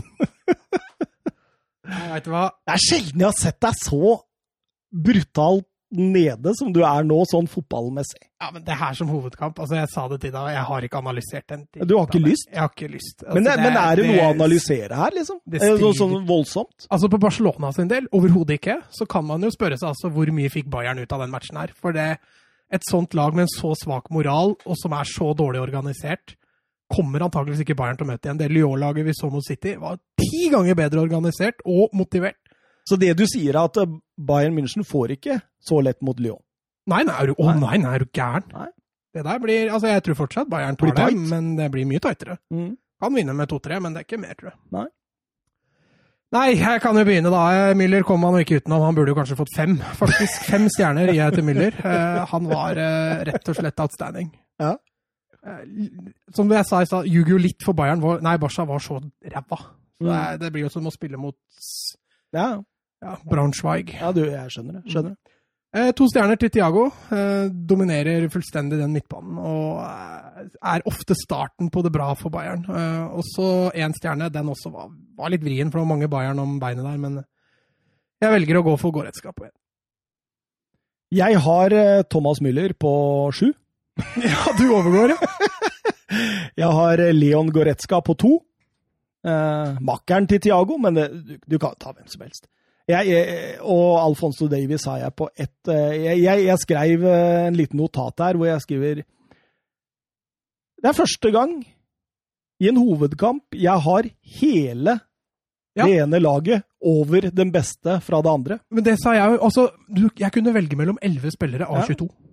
22. Og Jordi Alba var Barcelonas beste. Jeg syns også Suárez var faktisk Altså, å si OK er helt feil. Han var ræva, men han var blant de bedre ræva. Og, og Jordi Alba. Og Jordi Alba. Ja. Mm. Jordi Alba ville i hvert fall litt, da. Ja, altså, han var den eneste trusselen Barcelona hadde til tider. Som faktisk utfordra det eh, rommet til Bayern. Martin, eh, Ja, har du gjort deg opp en mening? Ja, jeg må endre litt da, etter jeg hørte dine poeng, så det ikke blir helt likt her. Men Müller er jo soleklar på, på tre. uh, og så kjører jeg inn Kimmich på to poeng, mm. og Goretzka på ett. Deilig. Deilig. Ja, Goretzka og Müller ikke ennå. Mm. Det er det, det. Deilig, det. Um, Victor Font han var jo ute etter kampen. Er vi ikke ferdige med denne kampen ennå? Nei, nei, nei. Du vi har seks Twitter-spørsmål. Altså, du, du, må tvi, du må pine deg gjennom. Det blir deilig når vi er ferdige, da. Kan snakke City-skandale isteden. Um, han sier at Bartomeo, trekk deg så fort som mulig, sånn at presidentvalget kan starte med en gang. Uh, Piquet, ett ord, sier han. Skam. Eh, ikke første, ikke andre heller. Eh, hele klubben trenger endring, og jeg kan være den første til å forlate om det behøves. Vi har nådd bunnen. Eh, Barcelona har aldri tapt så stort i Europa noen gang før. Og sist de slapp inn åtte 1946? 1948 48. mot Sevilla i Copa del Rey. Nå er Pochettino-linka. Eh, AS skriver at stjernene i Barcelona ikke ønsker Pochettino. Og Ronald Koman tror jeg var nærmest, faktisk. Han har vel takka nei igjen, har han ikke det? Ja, han burde jo gjøre det. Ja, det er jeg helt enig i. Hvem i alle dager skal gidde å ta i det prosjektet der? Det, det har jeg litt trøbbel med å se. Altså, det må være noen som faktisk er oppriktig talt glad i klubben, som, eh, som kommer til å gjøre det. Sa vi? Altså, det hadde jo vært drømmen, selvfølgelig. Men eh, jeg skjønner jækla godt at han også drøyer til han der kløna som sitter og styrer dette her borte. Altså. Ja, Og så skal Savi eh, fram med øksa da, og kitte ut gamle kompiser. Det kommer ikke til å skje, det heller. Nei, Det er jo liksom litt det som er problemet også da, i Barcelona. Det er blitt sånn gutteklubb. Ja, Det Gutteklubben Hvor grei. Me- Messi er gjenglederen. Ja, ja, og så har han med seg Suárez og, og Piqué. Nei, Piqué er kanskje ikke så, men det er liksom de som virker som styrer det. Altså, Siste som skal ut, er jo dem, og det er jo Ja, ja fordi, fordi det sier jo litt, da. Nå, når Pochettino blir linka her nå også, også det første som står i AS, som er en stor spansk eh, medieorganisasjon, er at stjernene i Barcelona, altså ledere i spillergruppa, vil ikke. Så da skjer det sannsynligvis ikke, står det. Altså, det, det er jo noe riv ruskende galt gjennom hele organisasjonen der. Altså, det er noen spillere der som har vært veldig veldig lenge i Barcelona, og som er legender. Eh, Et par av dem har jeg ikke lyst til å se at forsvinner, men det er noen av dem som jeg ønsker langt vekk. Som sikkert har veldig sterke stemmer i, i klubben. Eh, om Porcetino er rett mann, det, det er veldig vanskelig å si nå. Ronald Coman så jeg som sagt var linka. Det hadde aldri, jeg hadde aldri forlatt den nederlandske jobben for å ta over det der. Det nederlandske prosjektet syns jeg ser langt mer spennende ut enn sånn det ser ut i Barcelona nå. Der må det en overhaling av dimensjoner til for å få snudd dette. Men på et eller annet tidspunkt så må man jo kvitte seg med Messi òg. Og man kan ikke sitte og dø med Messi. Jeg tror at de ønsker at han legger opp i klubben. Ja. Og det, det innerst inne så tror jeg Messi også har lyst til det. Uh, og Messi med et ordentlig lag rundt seg, og da Altså, Du kan gå gjennom den elveren i går. da, altså Det er jo bare å få bort Semedo, Lenglet, uh, Vidal, uh, Rakitic, eh, Suárez altså, Dette er dødt kjøtt, altså.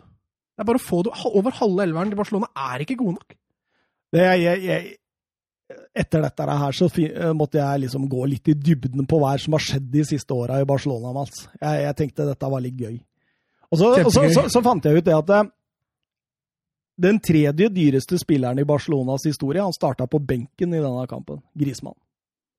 Den nest dyreste spilleren i klubben, Dembélé, starta også på benken i denne kampen. Han har vært skada lenge nå. Den dyreste i historien!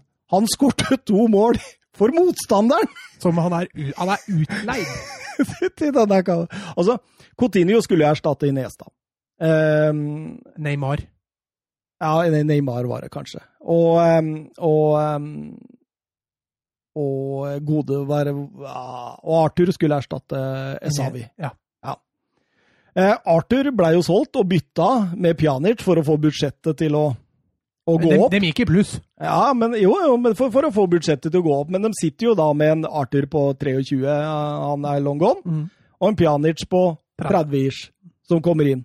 Ja, Det blir fint, uh, fin kreativitet på midten, da, med Pjanic og Busquets og de Jong. Det er ikke, Mye dype løp. det er ikke fremoverretta, det. altså. Og så, og så tenkte jeg altså, så, så har vi denne Neymar-greia, ikke sant? At eh, de klarte ikke å holde på den i 2017, noe som er jo også et svakhetstegn. Eh, og selv om han har vilt tilbake, så klarer de ikke å få henta han tilbake. Og så si- sier det, under Bartomeu så er det 11 av 21 styremedlem sitter der ikke lenger. Det har gått fire sportsdirektører. Og siden 2014, da de med suksess henta både Suárez, Rakitic og Marc-André Ter Stegen, så har de signert totalt 28 spillere, Mats. 28 spillere for en vanvittig mengde penger! Vi snakker 1 billion euro! Nå skal jeg lese navna på de 28 spillere, og så skal du få kommentere etter hvert eneste navn. Hva, hva skal jeg kommentere? Nei, eh, bare hva du syns om, om eh, Bare sånn raskt. Arda Turam. Mislykka. Alexei Vidal. Mislykka. André Gomez. Mislykka. Paco Alcácer. Mislykka. Samuel Mislykka. Umtiti. Nei, da. Nei, Samuel Umtiti. OK. Ja. Lukas Ding Mislykka. Jasper Sillesen. OK. Da er du snill. Ja, men han var jo henta som en reservekeeper. Og som reservekeeper så gjorde han det jo greit. De fleste er gode til å sitte på benken, Martin. Dennis Suárez. Bra. Marlon. Uh, Selen. Hæ? Selen? Selen? Han blir jo kalt Selen. Nei, det er- det er det er Carlon. Nei, Car Carlon, Ja, nei, Marlon var ja, stemmer, det. det, stemmer det. Ja, Ja, ja, altså, han, han fikk jo ikke en eneste kamp, Nei, så kan vel det, trygt si at det var uh, bom. Jeremina. Altså, det var jo mislykka, men han var, burde jo ha fått flere sjanser. Gerard Delefeu. Ja, mislykka. Nelson Semedo. Han er god. Paulinho. Han var jo grei. For så vidt. Altså, jeg kan si OK, men altså, fordi han leverte en bra målpoeng og var godt likt i gruppa, sånn, men ikke fordi han var et Barca-spiller, liksom. Dembélé. Den må jeg ha lyst til å avvente. Avvente, kan jeg si det? Ja, da er du positiv. Coutinho. Avvente. Ja, mislykka. Todibo. Avvente. Boateng. Å, Kevin Prince, ja! Åh, tenkte jeg. Hvem faen er det du snakker om nå? Nei, totalt mislykka. Nei, han må, må litt opp. OK, sier vi. Vent vi kommer til Braithwaite. Da blir det totalt uh... Jason Murillo. Ja, mislykka. Arturo Vidal. Eh, jeg må si OK. Arthur. Eh, OK. Lenglet. Eh, må jo si OK. Malcolm. er mislykka. Grismann? Så langt mislykka. Frenkie de Jong. OK. Neto. Ja, nok Igjen, en igjen da, så er det bare å si OK, for det er reservekeeper. Junior. Og Emerson. Tenker vi på Firpo. Mm. Eh, Emerson har jo ikke spilt et eneste minutt, så får vi se avventende. Det samme må jeg si om Firpo var for tidlig. Og nå er vi ferdig med de 28 spillere, og du har ikke nevnt én godt kjøp. Jo, Suárez. Ja, men han var jo før. Altså, ja, det var det et... Dennis Suárez? Ja, Ah, ja, nei, da var det OK på han, bare. Nei, da må jeg rette meg. og dette har de brukt én billion euro sånn pluss-minus på. På disse spillere. Har ikke jeg sagt dette en million ganger før i den podkasten her også? Men det, er- det er jo helt vilt. Altså, innkjø altså, De som har ansvar for å kjøpe spillere i Barcelona, de bør uh, komme seg vekk. De har en enorm lønnsutgift, og de har et aldrende lag. Se på, se på laget som starta denne kampen her. Ter Stegen 28, Semedo 26, ok. Piquet 33, Lenglet 25, Alba 31. Busquets 32, de Jong 23, Roberto 28, Vidal 33, Messi 33, Suárez 33. Altså, bærebjelkene er 30 og oppover. De har et høyt lønnsbudsjett. De Nei. Jeg, jeg, alt som går gærent, kan gå gærent i den klubben her nå. Jeg, jeg, jeg tror ikke vi har sett bunnen, jeg, hvis det ikke kommer noen kraftige forbedringer inn der. Asap Zulu, egentlig. Altså, Det kommer helt an på når de går tak på, på et nytt eh, presidentvalg. For det er jo i utgangspunktet ikke satt før neste sommer. Nå er det ganske kraftige krefter i sving på å få i gang det tidligere. Det virker jo som Bartomeu har godtatt å kjøre et, ordine- kjøre et tidlig valg, enten i mars eller april neste år, for å få ny president klar til neste sesong. Eh, å sparke Abidal og alle de andre gutta som styrer og steller her, det- det kommer ikke til å få en umiddelbar virkning uansett. Men eh, jeg har et spørsmål. Han Frenke Frenkie de Jong. eh, Jeg har ikke sett han kjempemye i Barcelona-drakta, men hvordan har han funka denne sesongen? da? Jeg syns han er liksom litt for Nei, det, for ballflytter, da. ja, det er for tidlig å konkludere. Han er jo, jeg tror det at han blir erstatteren til Busquets. Vi får håpe det. Men jeg hadde jo håpa at de skulle greie å utvikle han i en slags indreløperrolle, for han har jo helt klart offensive kvaliteter man kunne ha brukt. Og fra dypet så får han ikke brukt noe særlig til de, eh, men han er helt klart dyktig på det å flytte ball, vinne ball, eh, fordele baller. Så jeg tror at han kommer til å bli bra. Eh, Men eh, ja, må vente til Busquets sitter på benken. Vebjørn Fredheim på Twitter ville gjerne vært inne i hodet på Mats når målet er rant inn. Kan du gi meg et lite innblikk? Ja, det kan du få. Det I første omgang så Så blei jeg først positivt overraska.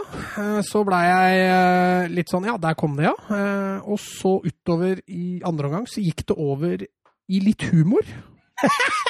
Eh, før det gikk opp i en slags eh, oppgitthet, og avslutta med sinne og frustrasjon. Eh, ja Jeg gikk gjennom eh, det meste av følelsesregisteret i, løpet av den, eh, i løpet av den matchen, faktisk. Og heldigvis, Vebjørn, så satt jeg aleine. Jeg kunne skrike og banne og frustrere meg så høylytt jeg bare orka. Hadde jeg sittet med deg, skulle du fått en skulder å gråte på. Ja, men jeg var ikke i gråtehumør i det hele tatt. Nei, du var ikke det. Nei, jeg blei sinna oppgitt, og, Ja. og det blei litt humor etter hvert. Spesielt med Semedo. Det var eh, sitcom på sitt beste en periode der. Jonathan Hobber han eh, spør oss eh, hva har gått feil. Det har vi jo egentlig svart på mye.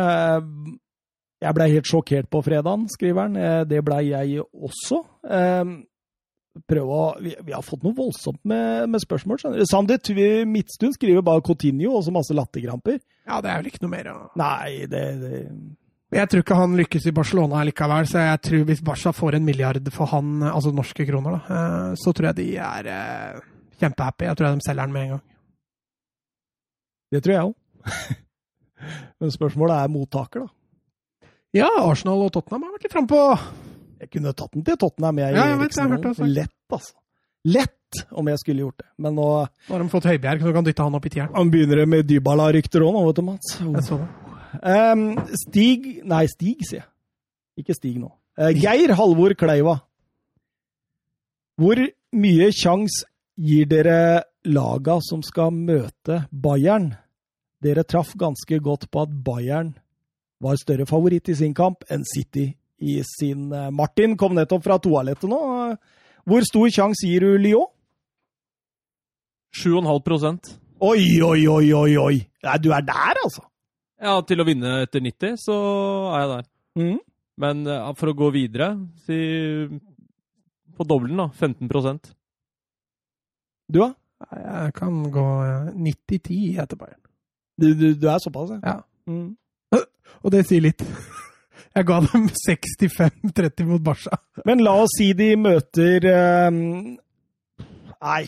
Eh, PSG mot eh, Leipzig, ja. eh, det blir jo en av disse som møter eh, Bayern München. Hva tenker vi? Eh, blir det lett for begge, mot begge, eller? For Bayern? Ja. Jeg tror det beste for Bayern hadde vært å møte PSG, faktisk. Mm. Og PSG har mye større tro på egne ferdigheter enn det Leipzig har. Og det så det hvordan de straffa Barcelona med det. Tror jeg de kommer til å straffe PSG med samme.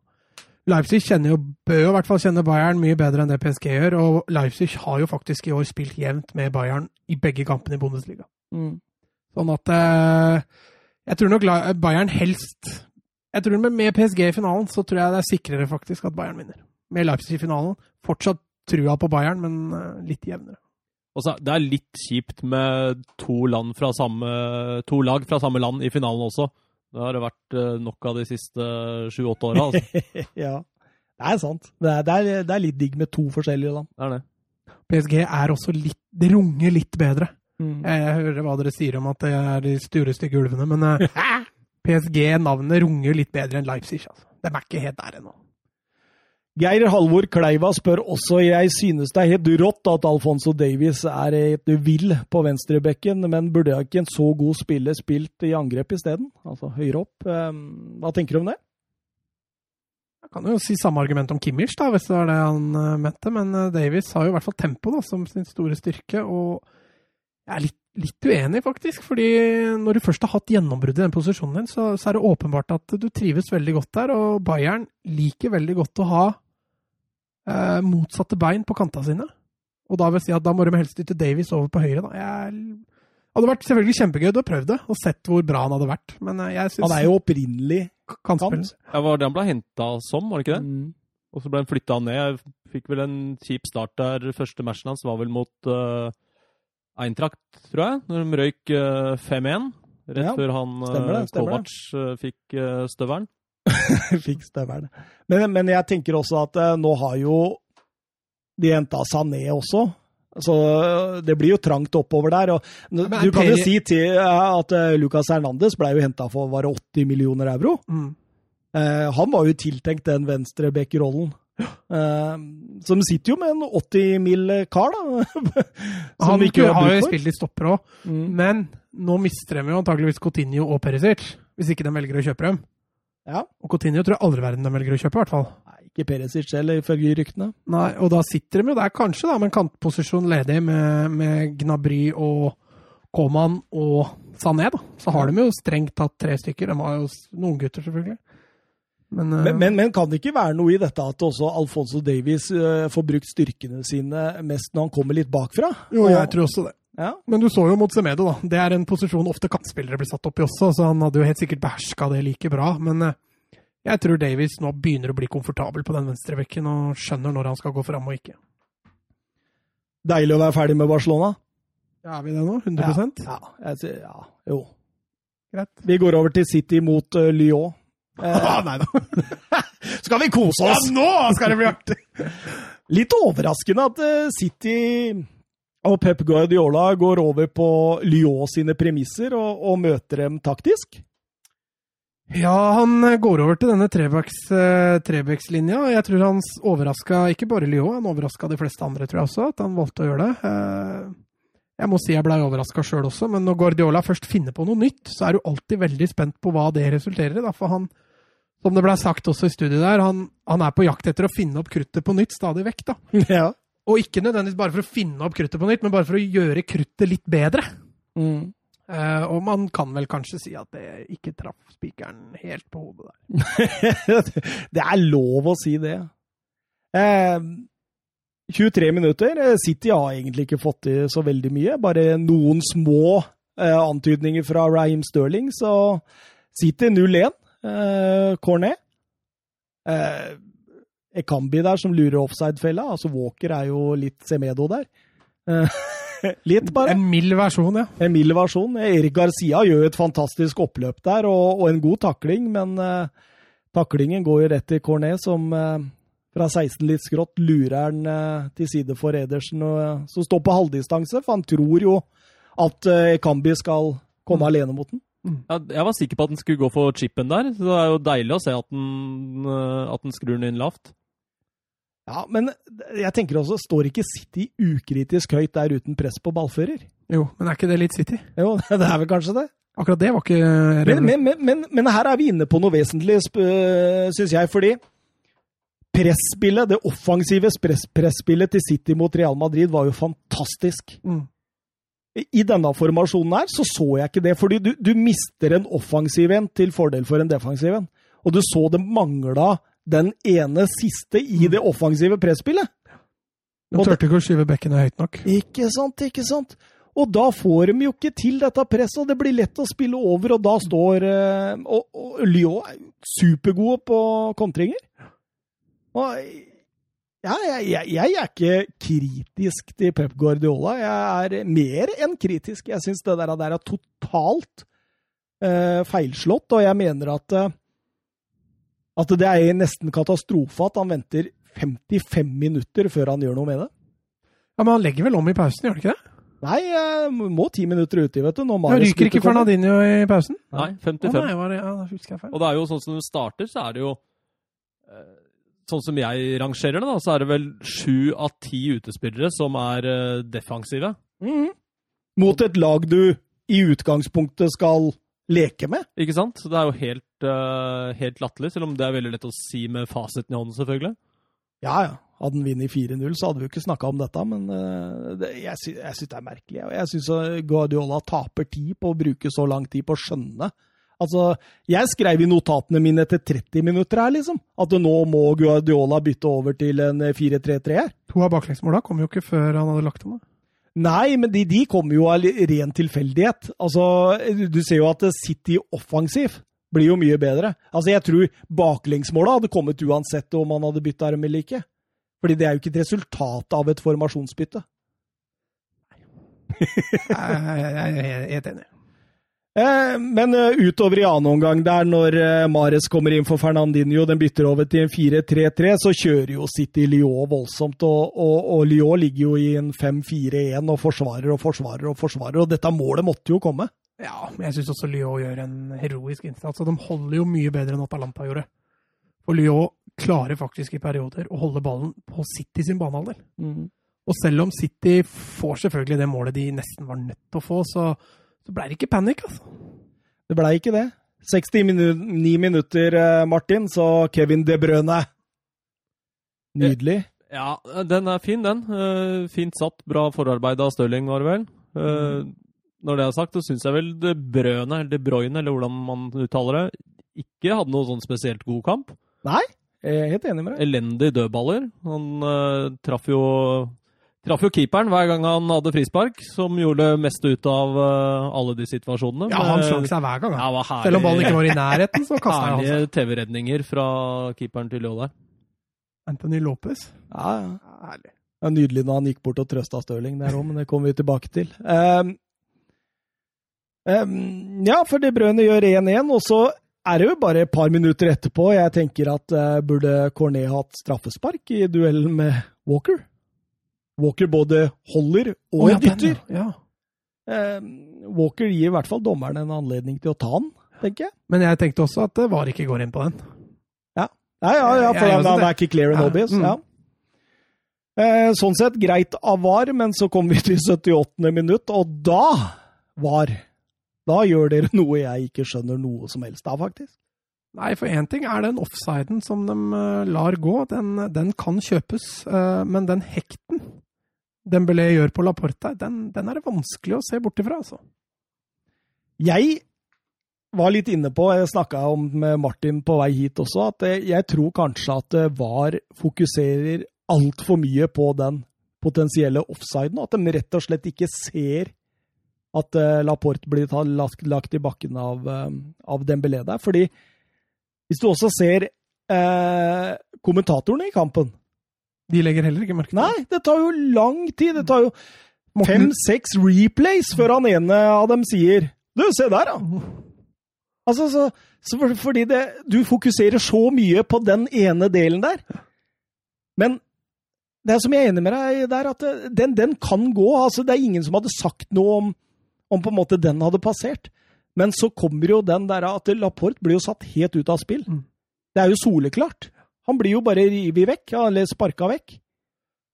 Ja, og så er det litt det der clear and obvious, da. Eh, på det tidspunktet så er, det jo, er de jo ikke i nærheten av målet. Eh, Nei.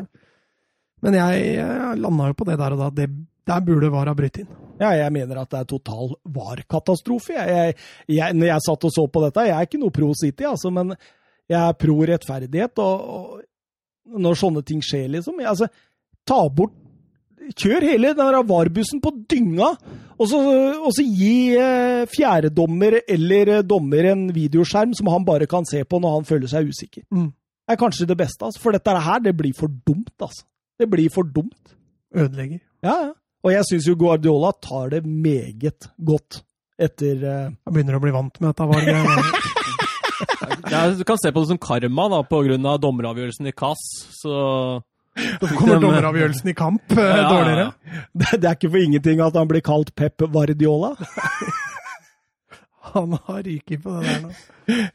Uff, uff, uff. Men eh, det blir da 2-1 med Moussa Dembélé tolv minutter før slutt, og City maler og maler, og Stirling får jo alle sjansers mor og Det er, det egentlig helt uforklarlig, og du sa det vel, jeg hørte Morten Langli sa det, og de der setter han 999 ganger av 1000. altså. Altså, jeg hadde jo scoret derfra. Altså, jeg prøver også å se om ballen spretter opp litt. Det er ikke så lett å se på de replaya du får, da. Men du får ikke inntrykk av det heller. Det virker bare som en ordentlig dårlig treff. altså. Så du Mares når han bomma, så han bare sank sammen. Guardiola? Ja, en ny sånn replay fra Agueros eh, Ja. annullering. Ja, nei, det der var eh, Og der, der hadde jo City det i egne hender òg. Ja. Der tror jeg kanskje det Guardiola tenker litt også på. Ja, vi fikk VAR mot oss, men å ikke score på sånne, da, da er du i trøbbel, altså. Og 3-1, den eh, kom jo, den også, eh, etter stor tabba Ederson. Kan vi si det sånn, eller Martin? ja, han skulle jo heller gjort som keeperkollegaen sin da, på andre siden. Bare slengt seg og boksa alle baller langt vekk, så hadde ikke det skjedd. Ja. Prøver han å holde den der? Ja, han gjør vel det, Ja, han ikke det? men, men er det litt svakt på den første òg? Han står jo på voldsom halvdistanse der, Ederson. Ja. Nei, jeg, jeg tenker litt det, eh, men, men, men jeg tror han tar høyde for at eh, Ekambi kommer aleine mot den. Ja, han Han, han tror ikke Garcia klarer å Men å da er det en feilvurdering Ja. av eh, Ja. Kan jo også si at den ikke er top notch på andre goalen der også. Når uh, Gå mellom beina. går mellom beina eller under foten hans og spretter sakte inn i mål. Tre tabber Eidersson. av. Ja, kanskje, kanskje uflaks. Ja, tre tabber. Får bare ett poeng i dag. Oi, oi, oi. Og dermed vinner Lyon faktisk eh, selve kampen og går til semifinalen. Eh, Det der- var faktisk den største skrellen. det var den største skrellen. Jeg Altså. Hvis jeg skulle tippe, hvis jeg skulle avgjort hvem som var størst skrell, Barca taper 8-2 mot Bayern, eller at Lyon slår City 3-1, så ville jeg faktisk sagt Lyon. Ja, Lyon sto vel til uh, nærmere 14, tror jeg, hos oh, bookene før matchen i går. Og han jeg så kampen sammen med, en kompis av meg som heter Geir, han satte et lite livespill der på 1-1 til 18 Oi, oi, oi. Ja, det, det er godt eh, forutsett. Sylfrekk variant. I, I garasjen. I garasjen, ja. Åh, Oh, åh, åh, jeg gleder meg til jeg blir invitert i garasjen. Kommer den. Den dagen kommer, Thomas. Åh, så deilig. Eh, Jørgen B. Ready på Twitter. Brannfakkel sier han er Pep overvurdert. Eh, sier ikke at han er dårlig. Eh, sier ikke at han ikke er en av de beste. Men er selve Guardiola overvurdert på basert på det han har gjort på etter Barcelona-tida? Og der var jo du ganske klar når vi gikk gjennom spørsmåla før eh, episoden. Nei! Nei! Du var litt sånn. Han, er best. Var du ikke det? Nei, altså jeg var, enig, jeg var uenig i eh, inngangen på spørsmålet. For det, det, måten dere eh, rangerte han på, var antall trofeer han har vunnet. Ja, han, ja. Og så hvis du ser Bayern, da, så har han jo tre av tre seriegull pluss to cupgull. Altså det, ikke, det kan jo umulig kalles å være mislykka, selv om Ja, det er Bayern. men det er Bayern, ikke sant? De har vunnet x antall på rad. Altså, det, er, det er som å gå til Juventus. Selv Sarri vinner eh, gull der eh, med å gå på akkord med seg sjøl. Ja, ja. Ja, ja. Og så, så det for, men han klarte ikke Champions League, men han var i semifinalen to ganger. Så han var jo rimelig nære. Men Bayern spilte jo et av sine fineste fotball, sin beste fotball kanskje. da. På mange, altså Jeg skal ikke ta fra Jupp Heynckes og den, det han fikk til med Ikke Hansi med- Flick, eller? Nei, men Flikk har jo ikke vært der en hel sesong engang. Roe ned litt. Men, eh, men eh, han, jeg følte han fikk til ganske mye i Bayern. da. Eh, Spillmessig, måten han utvikla laget. Han, han ga jo Filip Lahm en ny dimensjon. Eh, I City så, så har det kanskje gått litt nedover, men jeg føler liksom også der har han fått sine uttrykk ut på banen. da, I måten han ønsker å spille på. Han fortsetter med den der eh, utviklingen av fotball, prøver hele tida å finne opp kruttet litt på nytt. Uh, Så har det gått blitt litt færre trofeer, men jeg føler jo ikke at City på noen måte har blitt noe dårligere. Nei da. Etter Pellegrino Manzini-tida. Absolutt ikke. Tvert Nei. imot. Nei. Manzini òg vant gull med City. ja da, jeg veit det. Pellegrino. Ja, ja. Mm. Men, eh, og Guardiola, den sesongen hvor de tok 99 poeng, altså det var jo en, eh, en, en meget solid sesong. Men i denne sesongen så ligger de med et hav bak Liverpool og Klopp. Ja, men det har ikke vært uten Det har ikke vært fordi de har spilt ræva. Han har alltid brukt mye penger. Alltid fått henta fra øverste hylle. Jo, jo, men skal det påvirke hvordan uh, han har utvikla laget nei, nei, nei, men jeg, jeg, jeg bare fòrer deg, jeg nå. Fòrer meg? Ja, fòrer deg med motargumenter. Ja, ja, nei, jeg- Han har aldri egentlig klart å bygge opp et lag fra ja, kanskje litt Barcelona, du var inne på det før. Men etter det, altså, altså han, han har ikke tatt et, for et lag midt på tabellen og gjort det jækla bra med Nei, men dem. så eller- er jo ikke fotball er- så A4 heller, da. At eh, får du masse penger, så, så skal du vinne alt, liksom. Eh, du må jo se litt på hvordan han har utvikla laget han har tatt over, og Ja. hvordan han har gjort de forandringene. Altså, laget Klopp tok over, det ser jo ikke sånn ut i dag. Men er det ikke på tide at han vinner CL snart med en av de storklubbene sine? Jeg er for så vidt enig i at han burde hatt et CL-gull innen nå, eh, når han har trent Bayern og City. Det, det burde han ha hatt. Eh, og i hvert fall i Bayern, som har kulturen liggende inne. City, der er jo, det må skape den kulturen, da. City har jo ikke europaligakultur, eller europakultur, i det hele tatt. Jeg tror det kan ta tid, altså. Hva tenker du, Martin? Jeg tenker jo at jeg er eh, litt enig med spørsmålsstiller, eh, lyttelegenden Jørgen Bjørn Reddy Nystuen. Legende! Eh, Jeg føler at han er litt overvurdert, selv om han har gjort mye bra og forandra fotballen og, og alt det der. Så har han Det kan jo være tilfeldigheter også, selvfølgelig, men at han har svikta i mange avgjørende øyeblikk i Champions League. da. Og når det har Mm. skjedd så mange ganger, så um, er det ikke snakk om bare tilfeldigheter heller, tenker jeg. Og det beste eksempelet, eller verste, er jo den inngangen til kampen i går. Ja, ja, absolutt. Det er, det er jo helt eh, skandaløst, spør du meg. Og jeg, jeg tenker også sånn som Altså, Nå skal jeg ikke si at Mourinho er verdens beste per dags dato, men eh, det jeg kan si, er at han vant i hvert fall Champions League med Porto. Eh, han vant Champions League med Inter. Eh, Alex Ferguson han bygde opp Manchester United fra scratch, omtrent. eh, og tok dem til Det altså, var en litt annen tid igjen, da. Jo, for så vidt, men jeg, jeg bare tenker at det, du, du har ikke sett Guardiola i en jobb hvor han ikke er den soleklare favoritten. Og denne sesongen her så er han jo et hav bak i ligaen også. Et hav! Og han har det beste materiellet. Han kan plukke fra øverste hylle. Han har penger i haugevis. Han, han bryter til og med Financial Fair Play. Det er sikkert ikke han som gjør det, men de styrer av ledere i, i baken. Eh, men, men det går ikke, liksom. Det går ikke. Det er, det er jo et eller annet der, da. Altså Denne sesongen her så er jeg for så vidt enig i at det har ikke vært en bra sesong for, eh, for City, eh, verken i Europa eller i, i hjemlig serie. Men eh, jeg sitter fortsatt med det inntrykket at uh, PT, hvis jeg skulle valgt en trener som, skulle, som jeg skulle lært av, eller som jeg ville hatt som spiller, da sitter jeg igjen med Guardiola. Altså. Ikke Klopp. Nei. Han er for direkte, han, for min fotballstil. Pochettino. Altså, altså, jeg, altså, Mats Sortnes Granås sitter her nå i en podcast. Selvfølgelig ville jeg dratt med Pochettino og Klopp, Hansi Flick. men hvis jeg måtte velge én, sier jeg Ja, men det, det er fordi han er overvurdert, eller kanskje Nei. Jeg, jeg veit ikke, altså. Det der ah, spørsmålet der, det kunne vi sikkert diskutert i Skal vi lage en egen podkast? Er Altså, Pep altså, Guardiola Altså, hvis du teller antall titler med Guardiola, og så sammenligner du med Mourinho altså Mourinho har ikke hatt bakgårdsklubber, altså. Nei takk. Nei, nei, men du skal gjerne ta med Tottenham òg. Men altså, eneste kanskje bakgårdsklubben han har hatt, da, sånn på europeisk sammenheng, er jo Porto. Men, men, men ingen av dem Inter, er men, men ingen av de Inter, så var jo ikke Juventus engang i Men ingen av de laga han har tatt over, har vært like store favoritter eh, til å ta gull i hjemlig serie som Bayern München og Manchester City var under han i Jeg vet ikke, Inter, så da var jo ikke Serie A Da var jo ikke Ventus i Serie A engang. Nei.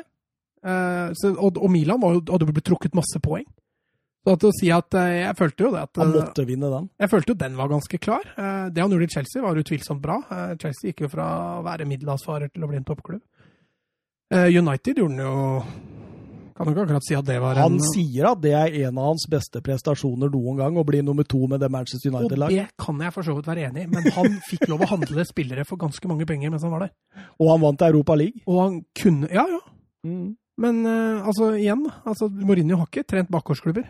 Nei da, nei for all del, men, eh, men de er ikke der som Guardiola er. De er litt mer i utfordrerposisjon, mener jeg. da. Og så har Guardiola en del flere titler òg. Men han har ikke flere opprykk enn Neil Warnock, da, så Neil Warnock er bedre enn Guardiola. Ja, men, det, men, men det, altså, ja, det har vært så gøy å sett Guardiola ta over um, Ikke nødvendigvis Nottingham Forest, men det syns kanskje du. Men, uh, ja, men altså, tatt over Everton, da. Det hadde vært gøy. Altså, da, da, da føler jeg at vi hadde fått sett den Guardiola Altså, hvem han er. Ja, jeg, kan, jeg er helt enig. Det prosjektet hadde vært kjempeartig å følge. Sett åssen han hadde justert sin egen filosofi. For han kunne jo ikke spilt eh, Tiki Taka og Bolt possession all the way der. Oi, oi, oi, det er så mye Twitter, og, og vi er veldig glade for det. Jeg skal ikke, jeg skal ikke se bort fra den. Eh, Didrik Tofte Nilsen, eh, får vi se 90 minutters årets CL-lag? Ja, neste gang?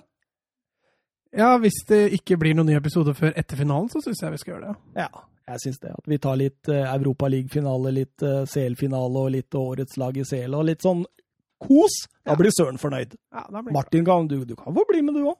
Vi får se, da. Ja, ja. Eh, vi, det er alltid en ledig her. Em, det er ett spørsmål til her. Eh, snakk du, Mats. Skal jeg finne. Det er så mye, vet du. Vi er så populære. Ja, det er så deilig. Det er deilig å være med i en sånn populær podkast, altså. Ja, det er det. det er, eh, Det renner over på Twitter av spørsmål. Da veit du at du eh, tenk at vi i en periode der var over La Liga Locca sånn. Ho, ho, ho. Hva mener du, over på antall lyttere? Ja, på, på iTunes. Uh, Var vi det? Ja. Jeg sendte jo deg den greia! Ja, jeg prøver jo å spille dum, da. Ja, ok. Du må jo være med. Vi sier ikke at vi er bedre, men vi var faktisk over. eh, spå gjerne semifinalen også, sier Glenn Weber. Vi må jo spå, da.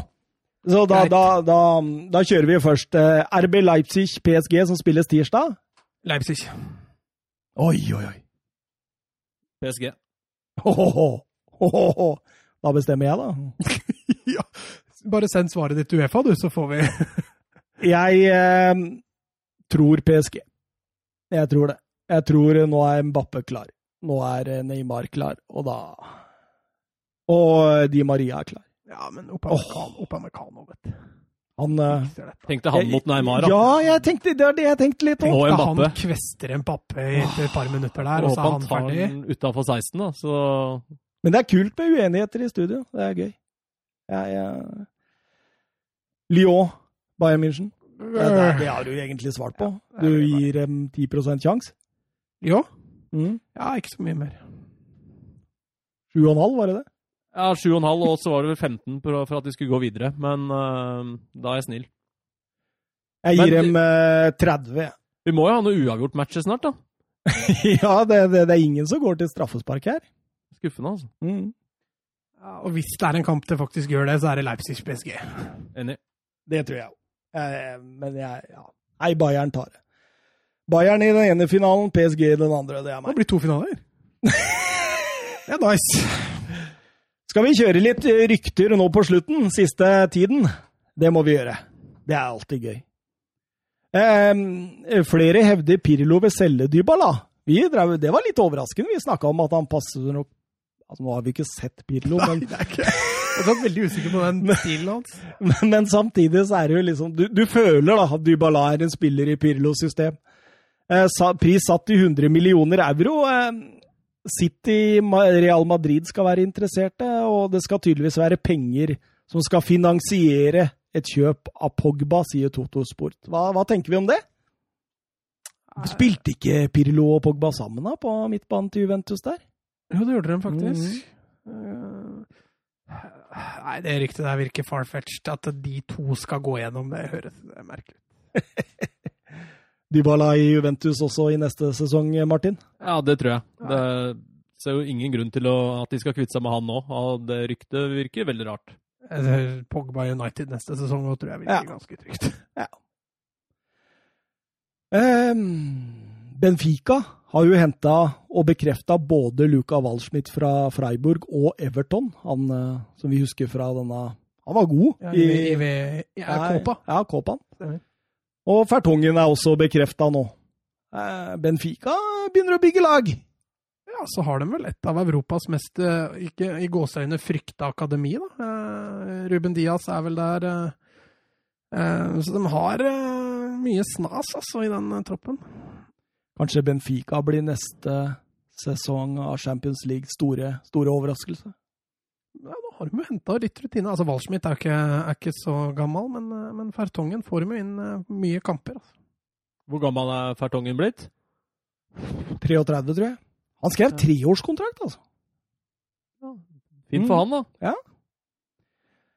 Sterke rykter også om at Manchester United ikke vil la Dean Henderson gå på lån til Sheffield United nok en sesong. Eh, såpass sterke er de ryktene at eh, Sheffield United jobber mot Aaron Ramsdale fra Bournemouth. Eh, tyder vi på et lite keeperskifte i Manchester United, eller, eller er det bare for å presse DGA til å spille litt bedre? Ja, jeg tror nok det er en fin kombinasjon der. Jeg tror vel grei lovnad for begge to at DGA står serien, og så står Henderson i cupene. Da vil de jo fordele kampene ganske broderlig, så er det jo spennende å se om De Gea aksepterer det. da, selvfølgelig. Og om Henderson aksepterer det? For han er jo altfor god til å sitte på benken i serien, tenker jeg. da. Har ikke Henderson uttalt at han vil tilbake til United? Han på vil et bli, tidspunkt, ja, han vil bli førstekeeperen i United. Da må han jo på et tidspunkt tilbake igjen. Oi, oi, oi. Det blir spennende å se, hvis det blir en sånn god keeperduell der. Ja, altså DGA Henderson der nå ble jo da, den beste keeperduoen i Premier League. Eh, tar vel over for eh, Arsenal sin keeperduo, så det hadde vært gøy. Men Barcelona klarte vel å holde det eh, i et par år der med Terstegen og Bravo, gjorde de ikke det? Med Terstegen som cupkeeper og Bravo i serien, eller om det var omvendt? Nei, det var riktig, det du sa. Nå tenker Mats. Nei, det var riktig. Ja. ja. Det var Bravo i serien og Terstegen Men det kom jo, det kom jo til et punkt da hvor Bravo rett og slett ikke var bra nok. Så til City, for han var god med beina. Ja, da, men City ville jo først ha til Stegen. Mm. Men da sa Barcelona at nei, du er vår første keeper neste år. Ja. Da blei han, og så henta de Bravo i stedet. Daily Mirror dem sier at Liverpool har fått beskjed om at det er 30 millioner euro som skal til for å kjøpe ut Tiago Alcantara. Eh, RMC Sport sier at han allerede er enig om en fireårskontrakt med Liverpool, og at han allerede har sett seg ut hvor han skal bo. At det er så close. Det Det, det er gull for Liverpool i så fall. Ja, Sto det hvem eiendomsmegler han hadde brukt eller? Eh, nei, Jølsrud. Ja, den, og han tapte den, altså. Han ta- tapte så sang.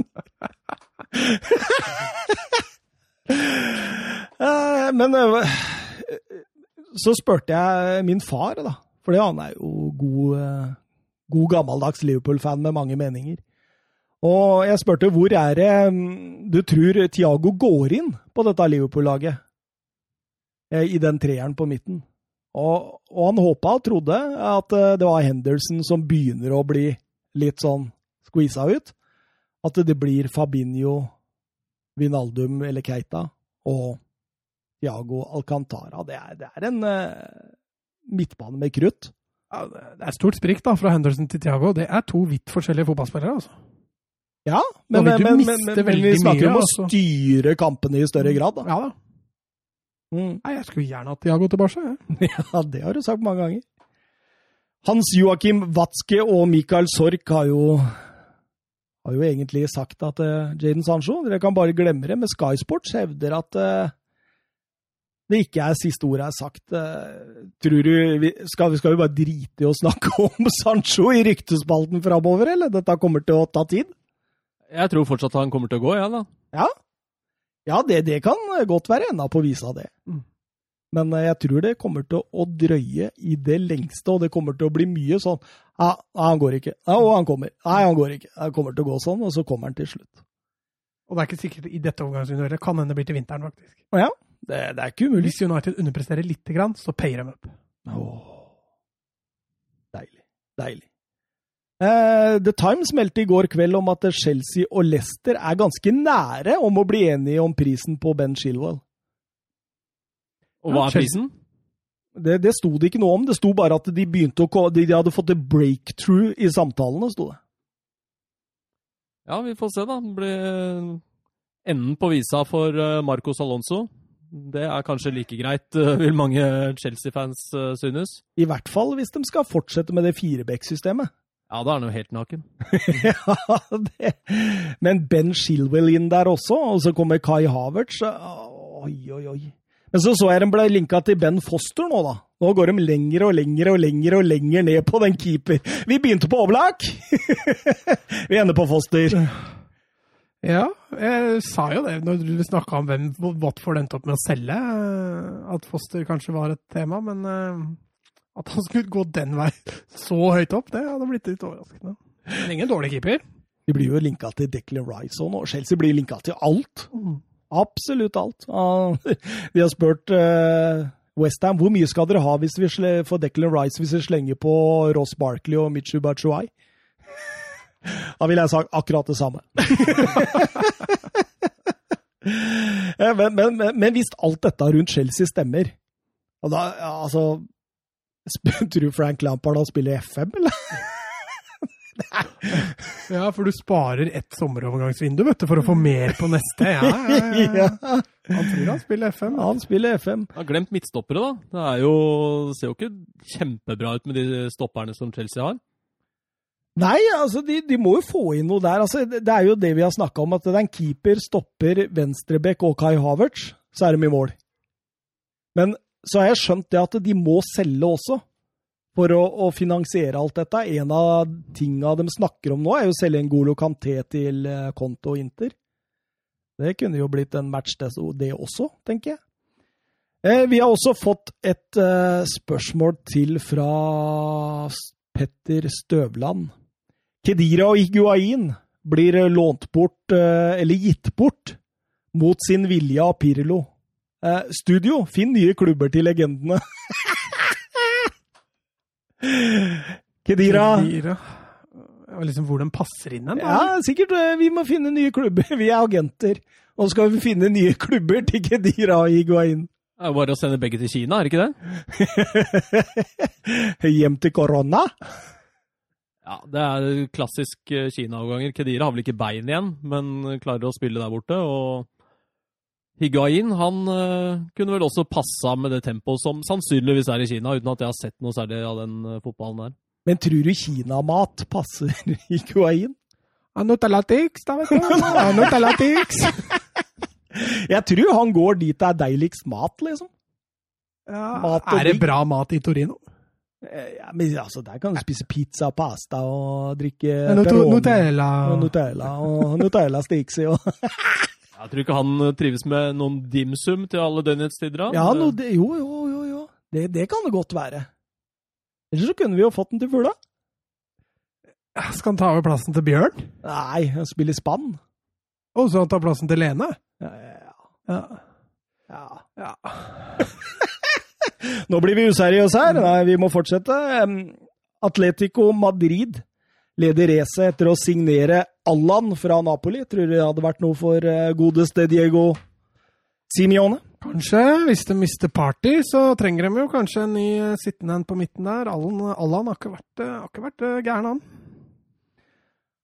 Selv om jeg mener at det kanskje er Begynner han ikke å trekke litt på alderen? Jo, det er vel litt det, å tar et steg ned for Atletico. Han er vel bare 29-30 rundt der, er han ikke det? Jo, jeg tror det er noe sånt noe, ja. Han var jæklig god i den perioden i tospann med, med Jorginho. Ja, stemmer. Helt sheriff, altså. Eh, Sarri. Men det er Sarri. Stemmer det. Deilig. Nei, eh, under to timer i dag òg. Men dere glemte jo et par rykter her, da.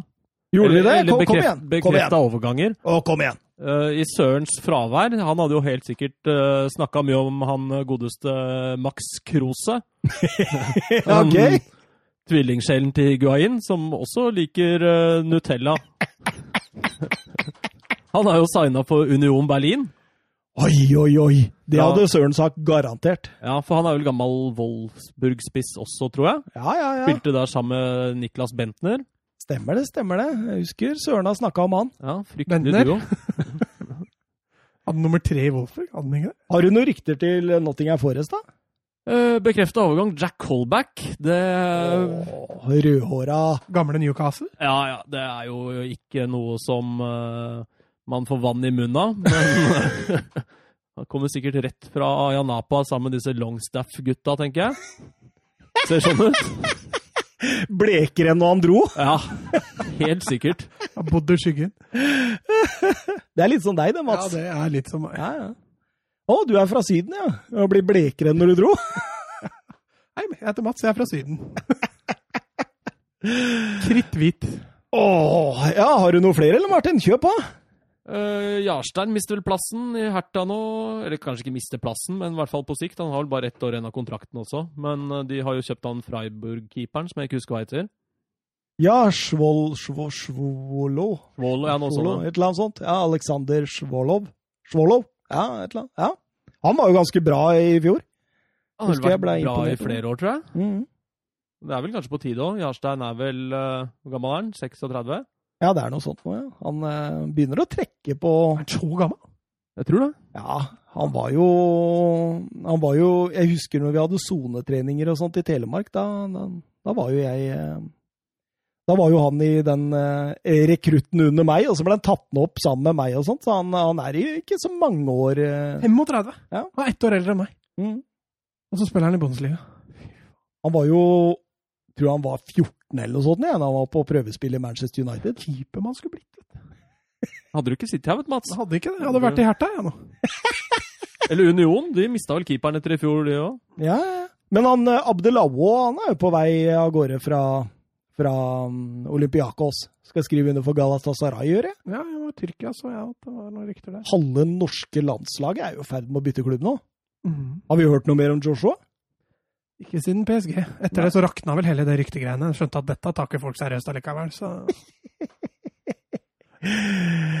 Skal vi si oss ferdig, eller, Martin? Ja, er vel på tide snart. Ja. Hjem til koner og barn? Koner? Flerkoner i. Kone og barn? Ja, får gjøre det. Det var hyggelig eh, at du hørte på såpass langt som dette, om du gjorde det. Om du gadd. Om du gadd. Tvilsomt om noen gadd å høre så lenge. tror Jo jeg. da, jo da. Den bare- Jørgen er med oss. Jørgen er med oss. Jørgen er med oss. Jørgen og Sandra.